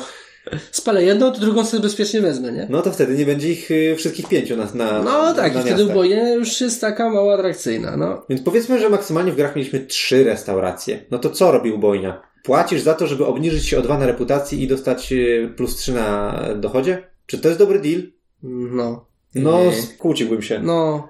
Tak, ale ogólnie rzecz biorąc, tak, to jest kafel, który cię punktuje za pójście w widelce, tak, w restauracji, których prawie nie ma. Mhm. Jest No, dużo takich. ciebie, to są w sumie Znaczy ciebie, no, tego, kto kupił w... ogólnie. Chodzi o to, że jeżeli inwestujesz w farmę czy ubojnię, to chcesz, żeby gdzie- gdzieś na stole pojawiały restauracje, tak? Wiadomo, że no, ty, tak samo jak z e, wspólnotą mieszkaniową, A tak? innym wtedy zależy, żeby się nie pojawiały. Ej, Zależy, żeby się nie pojawiały. Więc te restauracje fajnie, żeby były tak atrakcyjne, żeby ta twoja ubojnia nie była tą, y, jak to się mówi, solą wokół? Nie. Ko kością, nie, nie, dobra, nieważne. Chodzi o to, żeby, Znam jeszcze inne określenia. dobra, mniejsza o to. E, chodzi o to, żeby jednak to nie było tak, że jak ty postawiłeś tą ubojnię, to już nikt nie chce tego robić, tak? Jak ty postawiłeś tą wspólnotę mieszkaniową, to nikt nie buduje zielonych. Tak, żeby to jednak nadal było tak, że ja chcę budować te zielone, a ty na tym zyskujesz? No dobra, trudno. A to jest Szkoda. chyba kwestia grupy graczy akurat. Może tak, może tak, no ale u nas zasadniczo te farmy i ubojnie, no jeżeli sam się nie Zamieniają się w zbudujesz... jeziora. Tak, to, Zamieniają to, to one nie zawsze. wchodzą. Ja w zasadzie nawet się teraz zastanawiam, czy tej ubojni nie... Bo jeszcze farma, okej, minus jeden. Tak. Powiedzmy, ale ubojnia wydaje mi się, że warto w ogóle wywalić z puli. Bo to jest kafel, który jest martwy. No praktycznie tak, to jest Nikt taka nigdy go nie zbudował. gorsza farma. Jeżeli nie stać cię na farmę, no to oho, płaczesz. Nie, to jezioro. i- Żeby jezioro. mieć hajs na lepsze budynki. No, fakt. Znaczy w ogóle to jest dziwne, że no, jest kilka takich case'ów. Powiedzmy, że są budynki, które punktują za symbole, a symboli prawie nie ma w grze, tak? Punktują lub każą, tak? No bo jakby kwestia tej ekskluzywnej restauracji, tak? Że, e, że, że dostajesz jakiś tam minus za to, że, e, że, że się pojawiła następna, tak? No to te następne jeszcze muszą być. No możesz mieć farta, że to, akurat w restauracjach jak jest pięć, to jeszcze jest szansa, że coś się dociągnie i ktoś stwierdzi, a walnę sobie, żeby mu tam, to ja dostanę plusik, a on dostanie minusik. Ale na przykład mamy taki w podstawce drapacz chmur, który ma ten sam, jakby ten sam mechanizm, tak? Minus jeden za każdy następny e, skyscraper, który się pojawi dalej, tak? Jakiś wieżowiec, tak? Bo to z tam jest ten symbol wieżowca. A w pudełku są dwa. Dwa. I to tylko w jednej erze, tak? Więc no... Czyli jeden z nich ewentualnie dostanie karę, jeżeli pojawi się drugi i ktoś go zbuduje, a ten drugi nie dostanie już kary. Tak, to brzmi jak po co cała ta mechanika w ogóle? Tak, w zasadzie po no. I to samo jest z, z salonem samochodowym. Też są dwa i też punktują na minus, jeżeli wyjdzie drugi samochodzik. Po co to? Jakby, okej, to trochę tak wygląda, jakby to było takie demo jakiejś mechaniki z dodatku. Może tak jest. Może tak jest, no nie, nie wykluczam, ale to takie dla podstawki smutne trochę. Jest ten build na szkoły i, i zielone, tak, i tam jest tych symboli, tam się dzieją jakieś rzeczy. Możesz sobie nabudować tych szkół ileś tam, bo jest ich trochę jest podstawówek, trochę gimnazjów, trochę liceów, później walisz ten uniwersytet, który plusuje ci za ołówki. Jakoś tam z tymi teczkami też to działa, bo masz te budynki, które punktują za teczki i one się pojawiają nie tylko w niebieskich. Tak. To też ktoś pomyślał, tak, że nie tylko biurowce dają mi teczki, ale jeszcze tam jakieś urzędy na szarych też. Ktoś pójdzie w szare, to też ja na tym zyskam. Chociaż nie wiem, czy kiedykolwiek widziałem, żeby ktokolwiek poszedł w zielono-szary build, Nie. który by zadziałał i by wygrał. Że budujesz zielone, które na początku gry postępujesz na torze, yy, spadasz przez to na progach szybciej, a potem, no i wiesz, jak idziesz dużo w zielone i szare, no to pewnie mało. Idziesz w niebieskie i żółte, które są solą tej ziemi, nie? Mhm. I przestajesz iść. No i co? No. I w sumie nie masz hajsu, ale no powiedzmy, że nawet masz, że stawiasz te szkoły, które dają ci kolejne punkty, więc znowu spadasz na Ale suwakach. szkoły dają ci też, no dobra, szkoły ci dają punkty, uniwersytet daje Dopiero ci. uniwersytet ci daje tak za szkoły. No ale no, No, no, no to w praktyce jakoś nie widzę. Jakby nie chcę się wymądrzeć, że to jest coś, co zupełnie nie działa, ale ja nie widziałem, żeby kto, kiedykolwiek to zadziałało. tak, u nas rzadko to się pojawia akurat, żeby ktoś w ogóle szedł w zielone i szare. Yy, Znaczy ja tam czasem jako dodatkowa koncepcja do, do buildu jakoś tam dochodzi czasem, ale Wiesz co, bo gdyby nie było tych progów na torze zwycięstwa, to to byłaby legitna taktyka. no tak. Właśnie Że, to jest, to że wiesz, idziesz w te zielone, zarabiasz płaskie punkty, ale nie robisz sobie hajsu, bo nie poszedłeś w dochód dzięki żółtym i niebieskim. No i jakoś tam walisz te punkty, no ale nie masz hajsu, musisz stawiać jeziora. No ale potem dzięki temu hajsowi z jezior stawiasz te szkoły, więcej punktów, ale tak wszystko na piechotę robisz, nie? Nie masz silniczka, który by ci produkował ten hajs, Mhm. tylko tak na piechotę to wszystko robisz. Właśnie ta Ale ścieżka. potem robisz taki, wiesz, jeszcze uniwersytet, bam, to teraz jeszcze coraz większy przychód i coś tam, już tak zbierasz żniwa na koniec, dzięki temu kombosowi. Ale przez to, że sam koncept tych czerwonych progów nakłania cię do tego, żeby wcześniej pójść w dochód i dopiero potem wyczuć moment, y, kiedy zacząć iść w reputację, trochę zabija całą tą taktykę, cały ten build. Tak, poza tym ogólnie to, że dostajesz z reputacji punkty, moim zdaniem, no jednak daje dużo więcej niż płaskie punkty z zielonych, tak. Jeżeli ja mam postawić, nie wiem, budynek, który mi da raz pięć punktów, a postawić coś, co mi da plus jeden reputacji, no to sorry, co tu porównujemy w ogóle, tak? No, bo mam więcej niż pięć kolejek do końca gry, więc się bardziej opłaca. No właśnie, a kolejek w całej grze jest trochę jednak, bądź co bądź, więc, yy, a już nie 14. mówiąc o kombach, tak? Więc w ogóle taktyka na piechotę tutaj jest mało atrakcyjna. Znaczy wiadomo, hajs jest hajsem, to jest inny temat. Tutaj po prostu dostajesz hajs, który wydajesz i to jest kwestia jakby tam łatania twoich braków płynności. Często to jest właśnie takie doraźne. Ale na punktach ręcznie nie da się iść na piechotę. Po prostu jakby no i całe zielone bazują na tym, żeby iść na piechotę na punktach. A to nie działa, to nie może działać, no bo Znaczy w pewnym momencie im dalej w grę, tym bardziej to działa. Pod koniec to już jest, stawiam najlepsze zielone, nie? Bo to płaskie punkty się najbardziej liczą pod koniec. Znaczy koniec końców tak, ale jakbyś miał iść tylko w zielony i olać reputację, Mm. no to nie, no i tak musisz nadrabiać tą reputację. Tutaj jest jednak cały czas ten e, zrównoważony rozwój. Musisz pas, bazować na tych, e, znaczy balansować na tych suwakach, żeby nie spać na minusy, tak? Po co ci płaskie punkty za 10, jeżeli dostajesz minus 5 reputacji ciągle? To jest sztuka niewarta. Tak, bo to jest problem tego, że tematycznie się spina to, że te zielone i szare wychodzą wcześniej, ale mechanicznie nie pasuje to. Mhm. Znaczy, czy tak wychodzą? No w pierwszej erze to masz tylko y, dwie wspólnoty mieszkaniowe w zielonych i dwie, dwa osiedla holenderskie. To jest No wszystko, tak. co jest w puli w y, fazie A. No i przedmieścia, które są... Dużo zielonych wchodzi tak. w, w B dopiero. Tak czy inaczej, to jest jeszcze na tyle To wcześniej. samo z szarymi jest, nie? Że nie bardzo się opłaca w nie wchodzić. Czy to ma to sens, tak? No jakby i na samym początku gry nie masz e, ścieżki na płaskie punkty, tak? No bo po co ci płaskie punkty na początku gry? Może tak, ale nie, tak czy inaczej jakby i tak musisz robić coś, żeby te e, dochód i tą reputację podbijać, więc i tak się rozpraszasz z tej zielono-szarej ścieżki, no szara ci podbija reputację gdzieś tam generalnie, więc to cię jakoś tam ratuje. Ale i tak musisz coś zrobić, jeżeli ci mennica nie wyjdzie, żeby gdzieś sobie też dochody też robić. W ogóle ścieżka taka na piechotę jest moim zdaniem niedziałająca tutaj. No, niespecjalnie. I Przez to te zielone są w ogóle mało atrakcyjne. Rzadko robimy. Czy, rzadko robimy zielone, chyba że ktoś postawił wspólnotę mieszkaniową i liczy na płaski hajs. Że to nie jest tak, że to jest taktyka martwa, ale jest, mam wrażenie, słabsza. Tak. Pytanie, czy każda dowolna taktyka, jaką sobie wymyślimy, powinna działać. Nie. No tak, ale tu masz cały kolor, nie? Cały kolor, który robi coś. Płaskie I punkty. którego nikt nie chce kupować, nie?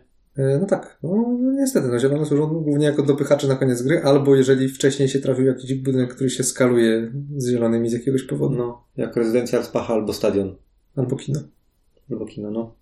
Tak. Ale to też jest takie wtedy nie, że takie, o, ale wale, tylko o, w sumie mogę sobie wziąć zielony, bo ma to sens teraz. Nie boli mnie aż tak, bo dostanę coś tam. Mhm. Mhm. No, tak. Tak, ale ogólnie rzecz biorąc, ta zielono-szara taktyka na szkoły może jeszcze ma jakiś sens, tak? Tam jest dużo tego i da się budować, ale właśnie są takie, kurcze, bo od tego wyszliśmy, wąskie symbole, które są nie wiadomo po co tak naprawdę. Mhm. Mnie jeszcze trochę boli składowisko odpadów z takich pojedynczych kafli, których niespecjalnie lubimy. Chociaż jak teraz patrzę na niego i na farmę, to jest ewidentnie lepszy. No Już tak. Nie mówiąc o ubojni. No bo nawet jeżeli składowiska odpadów, ja tak zawsze myślę, bo daje plus dwa przychodu, a minus jeden reputacji za cokolwiek, co nie jest jeziorem.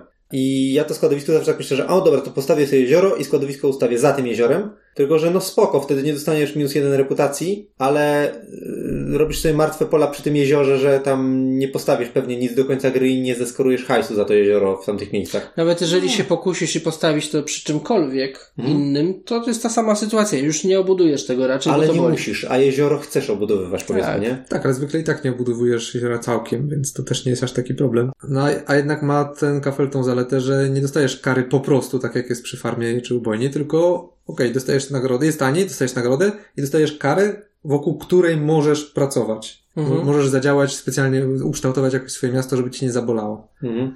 Poza tym to jest uczciwy deal tak naprawdę, bo masz dwa, plus dwa przychodu, nawet jeżeli stawiasz przy jakimś kafelku, który będzie odcięty na jakimś za- zadupiu swojego miasta, dostajesz plus dwa przychodu i minus jeden reputacji za 4 dolary. To jest uczciwy deal, zwłaszcza na początku gry. Mhm. To jest w sumie lepsze niż fabryka, która dałaby ci plus jeden przychodu i tyle, a kosztuje cię trzy. Bo tutaj popujesz sobie trochę bardziej ten dochód, który jest ważniejszy na początku gry. Więc w sumie, okej, co wam ten zarzut? Znaczy ja lubię składowisko odpadów właśnie dlatego, że ma plus dwa i jest taniutkie. Mhm. I to Tak, jest ta- dobry, ta zas- tak, dobry zastrzyk na, Na rozwój. e, na A. po- porównaj- No trudno, rozbudujesz się jakoś tak, żeby tam był taki pypeć wystający. Tak, no porównaj sobie ją z ubojnią, nie? Która kosztuje tyle samo, 4 czy 5 to jest to samo. Mhm. Tylko, że składowisko daje ci, powiedzmy, jak dobrze je postawisz, to jest minus 1 na reputacji, plus 2 na przychodzie, a ubojnia minus 2 reputacji, a przychód w zasadzie możliwe, że 0, jeżeli nie ma restauracji. Znaczy tak, no zakładam, że nie budujesz ubojni, jak wiesz, że nie ma żadnej, rest- znaczy nie widzisz No, żadnej restauracji że- na rynku, no Żeby to załóżmy. było proporcjonalnie podobnie sensowne, to muszą być 4 restauracje. Żebyś miał za każdy y, punkt reputacji 2 punkty na dochodzie, na suwakach, to musiały być 4 restauracje. Czyli sytuacja No, mm, powiedzmy, powiedzmy, tak. Nie, te, te, ta minus reputacja na obu tych kaflach to jest dla mnie Czy pomyłka. w ogóle w właśnie... sensie na ubojni i na farmie, tak? Tak, no bo w- przecież jeśli chodzi o farmę, to praktycznie identyczny kafel jest w niebieskich, tak, sklep z artykułami, który kosztuje jeden taniej, jeden mniej niż farma też się skaluje z symbolem, który występuje nie tylko w pierwszym A, w pierwszej talii, tak, steczkami, Teczek ale też w kolejnych. I I nie jeszcze tyl- sam sobie daje nagrodę, a nie karę. I nie tylko No w jednym co tu kolorze. porównywać? No tak. Poza tym w ogóle sam fakt, jakby e, większość kafli i większość kar z kafli, czasem są te kary z kafli, tak? Czasem są kary poprzez brak nagrody, typu e, za każdy sąsiadujący, a ty sobie głupio postawisz co innego. Jakby wszystko zmusza cię do tego, żebyś budował miasto dobrze, żeby nie dostać kary. A tu, no, budowanie miasta dobrze, żeby nie dostać kary, polega na niebraniu tego kafla tylko, tak? Więc e, całą resztę jesteś w stanie, tak jak mówiłeś, dobrze obudować, postawić składowisko za jeziorem. No, ma to większy lub mniejszy sens, ale jesteś w stanie tą konkretną karę z kafla Ograć. ograć. A tu nie. Tu nic nie zrobisz. To jest płaska kara i ja nie wiem, jak teraz, nie chce mi się szukać, szczerze mówiąc, ale jak dużo kafli jest takich, które mają płaską karę. No, Park Miejski ma, wiadomo, ale to jest podstawka, która, która sama z siebie może robić robotę, więc może dobrze, że ma jakąś płaską karę. To jest specyficzny Tak, przypadek, ale, ale tak generalnie nie zdarzają się płaskie kary. Tylko raczej sytuacyjne kary. Na agencji PR i, i A, na które są wynaturzeniami same w sobie. Tak, właśnie, więc to, tego też nie bierzemy pod uwagę. Tak, nie, te, te dwa kafle to po prostu jest coś takiego zupełnie bezsensownego. Jeżeli wyjdą wcześniej, to są bezwartościowe. Jeżeli wyjdą późno w A i jednocześnie dużo sztućców wyszło, to nagle wtedy są, można o nich w ogóle myśleć. Mhm. Tak. Więc ja chyba ubojnie wywalę z mojego egzemplarza razem z e, kasynem i firmą PR, a nad farmą i osiedlem komunalnym się mocno zastanowię. Mhm. Bo one też są Specyficzne. kompletnie nieatrakcyjne.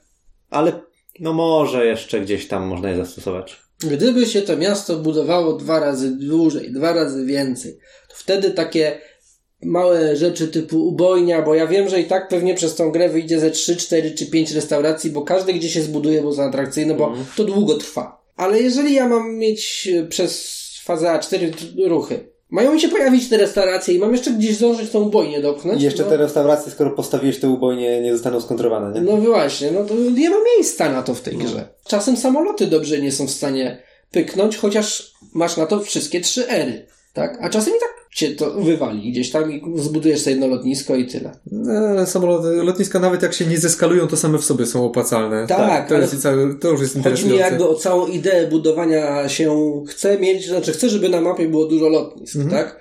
No to tam masz całą grę na to. Jeżeli nie wyszły ci w A i, i nie kupiłeś, no to będzie, że jeszcze będą w B, może jeszcze będą w C. One się gdzieś tam mają szansę pojawić w trakcie gry. Mhm. A tu mam wrażenie nie, no pykło nie pykło, tak naprawdę. Tak, coś nie zagrało. E, Dobrze. Ostatni temat dotyczący gameplayu z mojej strony to będzie jeszcze kwestia kontrowania. Kontrowanie jeziorami. To, że To, że możesz. czasami potrzebujesz hajsu i kontrujesz i niszczysz coś z rynku. Co o tym sądzicie? Jak mnie kontrujesz, to boli. Znaczy, Jest to mechanizm. tak. Dla mnie jest to działający dobry mechanizm, fajny i pasujący i dający dobrą rzecz w tej grze. E, znaczy, tak i nie, bo tutaj znowu wracamy do problemów rynku, bo jeżeli jesteś w stanie mi skontrować jedyny sensowny budynek w danym buildzie, a nie lepszy budynek z danego buildu, no to, to już trochę się psuje, tak? Czy psuje odczucia z gry. Tak. To prawda. A były takie sytuacje. Dzisiaj nawet kilka chyba, nie? No. Ja straciłem parking, Marcin mi skontrował. Tak, Ty ka- agencję PR. W tym a... momencie chyba było tak, że były trzy martwe kafle i dopłacaliśmy specjalnie, żeby kasować czwarty, który podchodził bliżej. no. Tak, coś takiego było. Yy, Nie no, ale sam fakt tego, że ktoś się pod coś buduje i nagle wychodzi ten złoty kafel, taki, który Mhm. wow! I ty jesteś w stanie to skontrować, to jest spoko.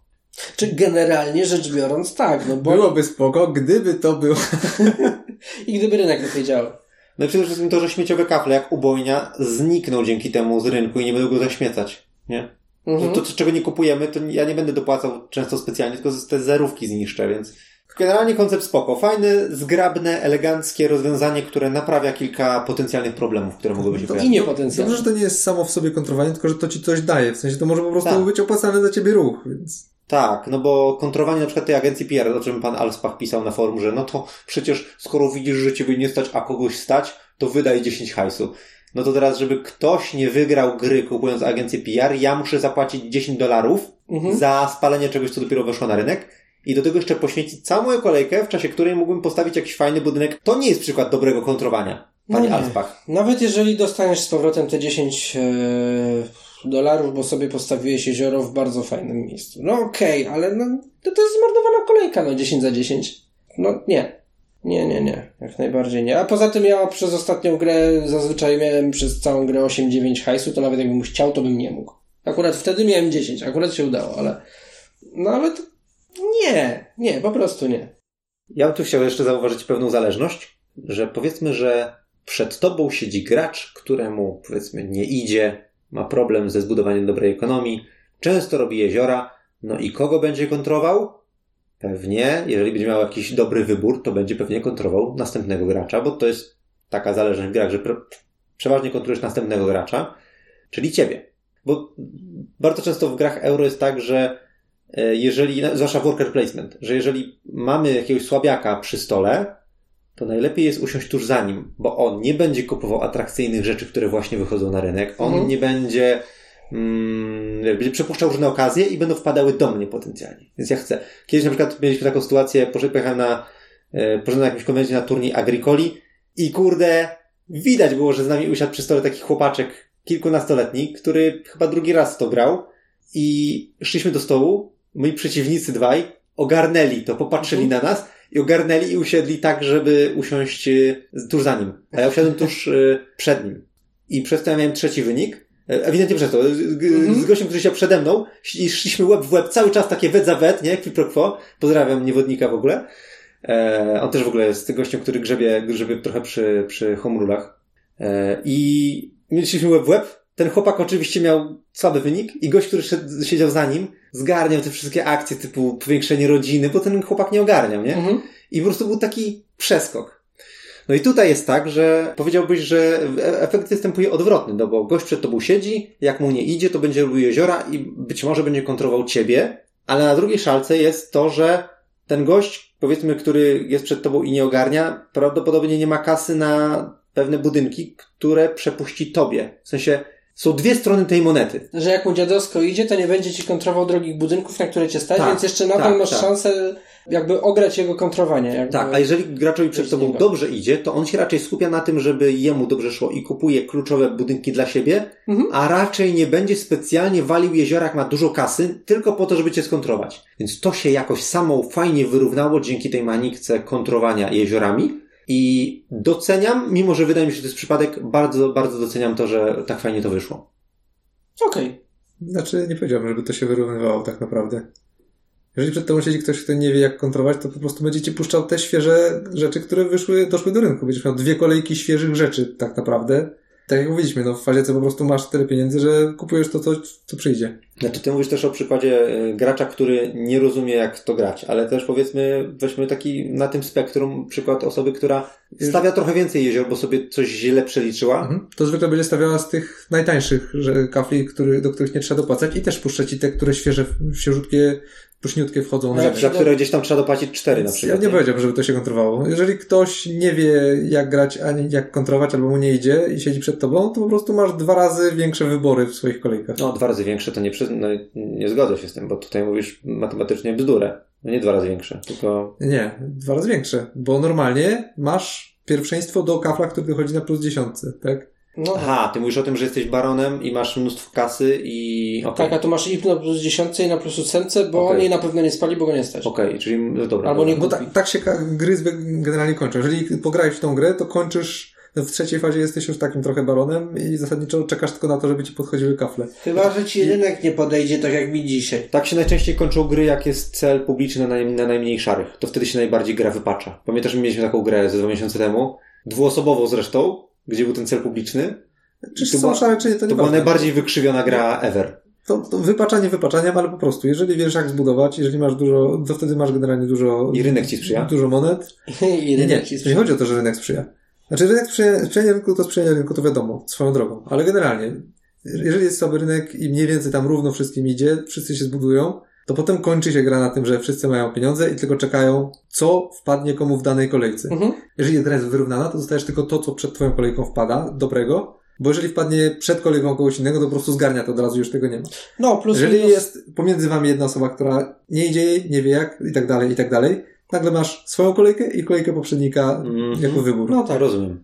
Wiadomo, tutaj jeszcze wpływa kwestia tego, że w różne rzeczy idziemy i, i w inne kolory idziemy i to, co Tak, dla tak, mnie jest tak, fajne, tak, nie tak, musi wiadomo. być dla ciebie fajne i tak dalej, ale w takim ogólnym prostu- założeniu tak. Masz, masz dwa, dwie szanse na to, że ci się trafi to, co potrzebujesz. Mhm. Ale w grze wypaczonej, kiedy mamy tak dużo kasy, która też na oficjalnych zasadach grając nie jest taką rzadkością, ten scenariusz, tu się zgodzę, tej rozgrywce wypaczonej, kiedy tak naprawdę czekasz tylko, co tam wyjdzie na ten, na tę plus 10, bardzo często to nie jest zależne od sytuacji, bo bardzo, to jest, bardzo często to jest kwestia, czy wyjdzie coś, co daje punkty albo reputację. Biorę to. Mhm. Bo wszystko inne nie daje. Nie? Tak, szczególnie pod koniec gry I to faktycznie. budowanie się po takie taktyki na kolory to jest y, wtedy teoria.